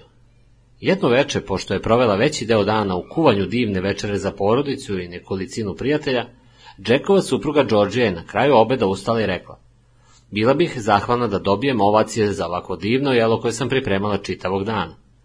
To je bilo izraž, izrečeno s dozom humora i iskrenosti, a rezultat su bile ovacije i mnogo pohvala za odličan obrok. Kao vežbu parovima, predlažemo da sednu jedno naspram drugoga i da kažu šta cene kod svog partnera. On. Cenim tvoju istrajnost. Ona. Cenim to što si dobar otac. On. Cenim veliki trud koji si uložila u uređenje kuće. Ona. Cenim što mi trljaš leđa. On. Divim ti se kako si se postavila prema šefu na poslu. Ona. Volim te što se uvek setiš da mi javiš kada kasniš. I tako dalje. Preporučujem da ovu vežbu radite najmanje jednom nedeljno. Zamolite partnera da to radite zajedno. Vežbe za parove. Evo nekoliko specifičnih aktivnosti koje možete da radite sa bračnim partnerom ili nekom drugom osobom koja je za vas važna i šta će vam pomoći da lakše tražite ono što želite. Garantujemo vam da ako ove vežbe radite sa stopostotnom posvećenošću, one mogu radikalno da poboljšaju kvalitet vaše veze. Savet. Ne očekujte da vaš partner bude u stanju i da bude raspoložen da vam ispuni svaku želju. To niko nije u stanju. Morat ćete da se obratite drugim ljudima u svom životu. Obično to ne radimo jer se bojimo odbijanja. Zahtevi postavljeni partneru traže manje posla i rizika nego zahtevi postavljeni nekom drugom, pa se zato događa da previše zahteva postavite jednoj osobi. To je lakše, ali nije dobro. Morat ćemo da rizikujemo sa drugim ljudima. Razni prijatelji i članovi porodici imaju udela u različitim segmentima našeg života. Neko može biti duhovit, a neko poverljivi savjetnik. Neko nas može dobro savjetovati kada reč o novcu, a neko drugi će umeti da sluša. Neko može biti odličan duhovni sagovornik, dok drugi ima smisla za rešavanje problema. Postarajte se da imate dosta prijatelja i rođaka u svom okruženju koji će vam pružiti podršku. Justin Stewart je jednom dao savet Jackovoj supruzi. Nemoj da očekuješ da muž bude blizak sa tobom kao tvoja najbolja prijateljica. To se nikada neće dogoditi. Moraš imati najbolju prijateljicu koja će ispuniti te tvoje potrebe. Lista zabave. Načinite spisak zabavnih i uzbudljivih aktivnosti koje biste želeli da radite sa svojim partnerom. Taj spisak treba da obuhvati iskustva licem u lice, kao i svaki drugi telesni kontakt koji predstavlja fizičko zadovoljstvo. To su aktivnosti kao što su tenis, ples, rvanje, zajedničko tuširanje, seks, masaža, golicanje, preskakanje konopca, vožnja bicikla, slikanje po telu, igranje s pištoljima na vodu, crtanje olukama u boji, uživanje u džakuziju. Razmenite svoje spiskove i kasnije sastavite treći spisak koji sadrži sve vaše predloge. Svake nedelje izaberite jednu aktivnost sa spiska i uradite to. Primetba. Možda imate otpor prema učestvovanju u nekim veselim, detinjastim aktivnostima, naročito ako je vaša veza problematična. I pored toga je važno da uradite te vežbe. Tražite od svoje dece. Postavite deci pitanja koja vode razjašnjenju. Neki roditelji se žale da njihova deca nikada ne kose travu, ne sređuju svoje sobe, niti iznosi đubre. Mnogi od ovih roditelja nikada nisu seli sa svojom decom, pogledali ih u oči jasno i odlučno im rekli, ali ne preteći niti besno, šta žele da deca rade. Pitajte, ne pričajte. Prema deci bi trebalo da se odnosimo sa mnogo više poštovanja. Moramo da ih saslušamo i da ih shvatimo ozbiljno. Trebalo bi da im postavimo sledeća pitanja koje će sve razjasniti. Šta si uradio ili uradila? Šta se dogodilo? Kako se osjećaš zbog toga? Šta si time hteo ili htela da postigneš? Ako nisi ostvario rezultat koji si želao, šta si iz toga naučio? Kako možeš da iskoristiš tu informaciju u budućnosti? Ovo će ih naučiti kako da razmišljaju o posljedicama svog ponašanja i kako da budu bolji u budućnosti. To će ih takođe naučiti da budu otvoreni za komunikaciju, umjesto da budu zatvoreni i povučeni u sebe. Reč edukacija, obrazovanje, potiče od latinske reče edukare, što znači izvući, izmamiti. Većina nas se zatrpava raznim činjenicama, a ne izlači iz njih nikakve zaključke. Zato moramo da postavimo više pitanja sa istinskom zainteresovanošću. Umesto da kažemo, pa to si dobio, bolje je reći, o, kako je to zanimljivo. Šta se dogodilo? Hajde da porazgovaramo o tome. kako se osjećaš ili šta si iz svega toga naučio. Umesto da svoju decu grdite ili spašavate, potrebno je da im pomognete da više istražuju. 9. Tražite od sebe. Postavite dobro pitanje. Koliko često provodite vreme tražeći odgovore na pitanja izvan sebe, a mogli biste sebi da postavite ta pitanja? Možda bolji odgovori leže duboko u nesvesnom delu vaše ličnosti. Postavljajući svom nesvesnom biću prava pitanja, možete naići na mudrost, usmerenje i ljubav. Pitanja koja mogu da vam promene život. Postavili smo sledeće pitanje stotinama ljudi. Koja su vam pitanja postavili drugi ili ste ih postavili sami sebi, a da su vam bukvalno promenila život? Evo nekih odgovora. Mi smatramo da su ovo važna pitanja koja treba da postavite sebi. Nemojte ih postaviti samo jednom. Postavljajte ih stalno, iznova i iznova. Živite s nekim pitanjem nedeljama, zapišite ih i često se podsjećajte. Razmišljajte o njima. Baš kao što su ova univerzalna pitanja radikalno promenila živote drugim ljudima, mogu da prodube i transformišu i vaš život. Evo tih pitanja. Šta se pretvaram da ne znam? Koji je moj cilj u životu? Zar nisam ja ta osoba? Ako bi sam mogao da budem bilo šta? Jesam li spreman na sve što je potrebno da dobijem ono što želim?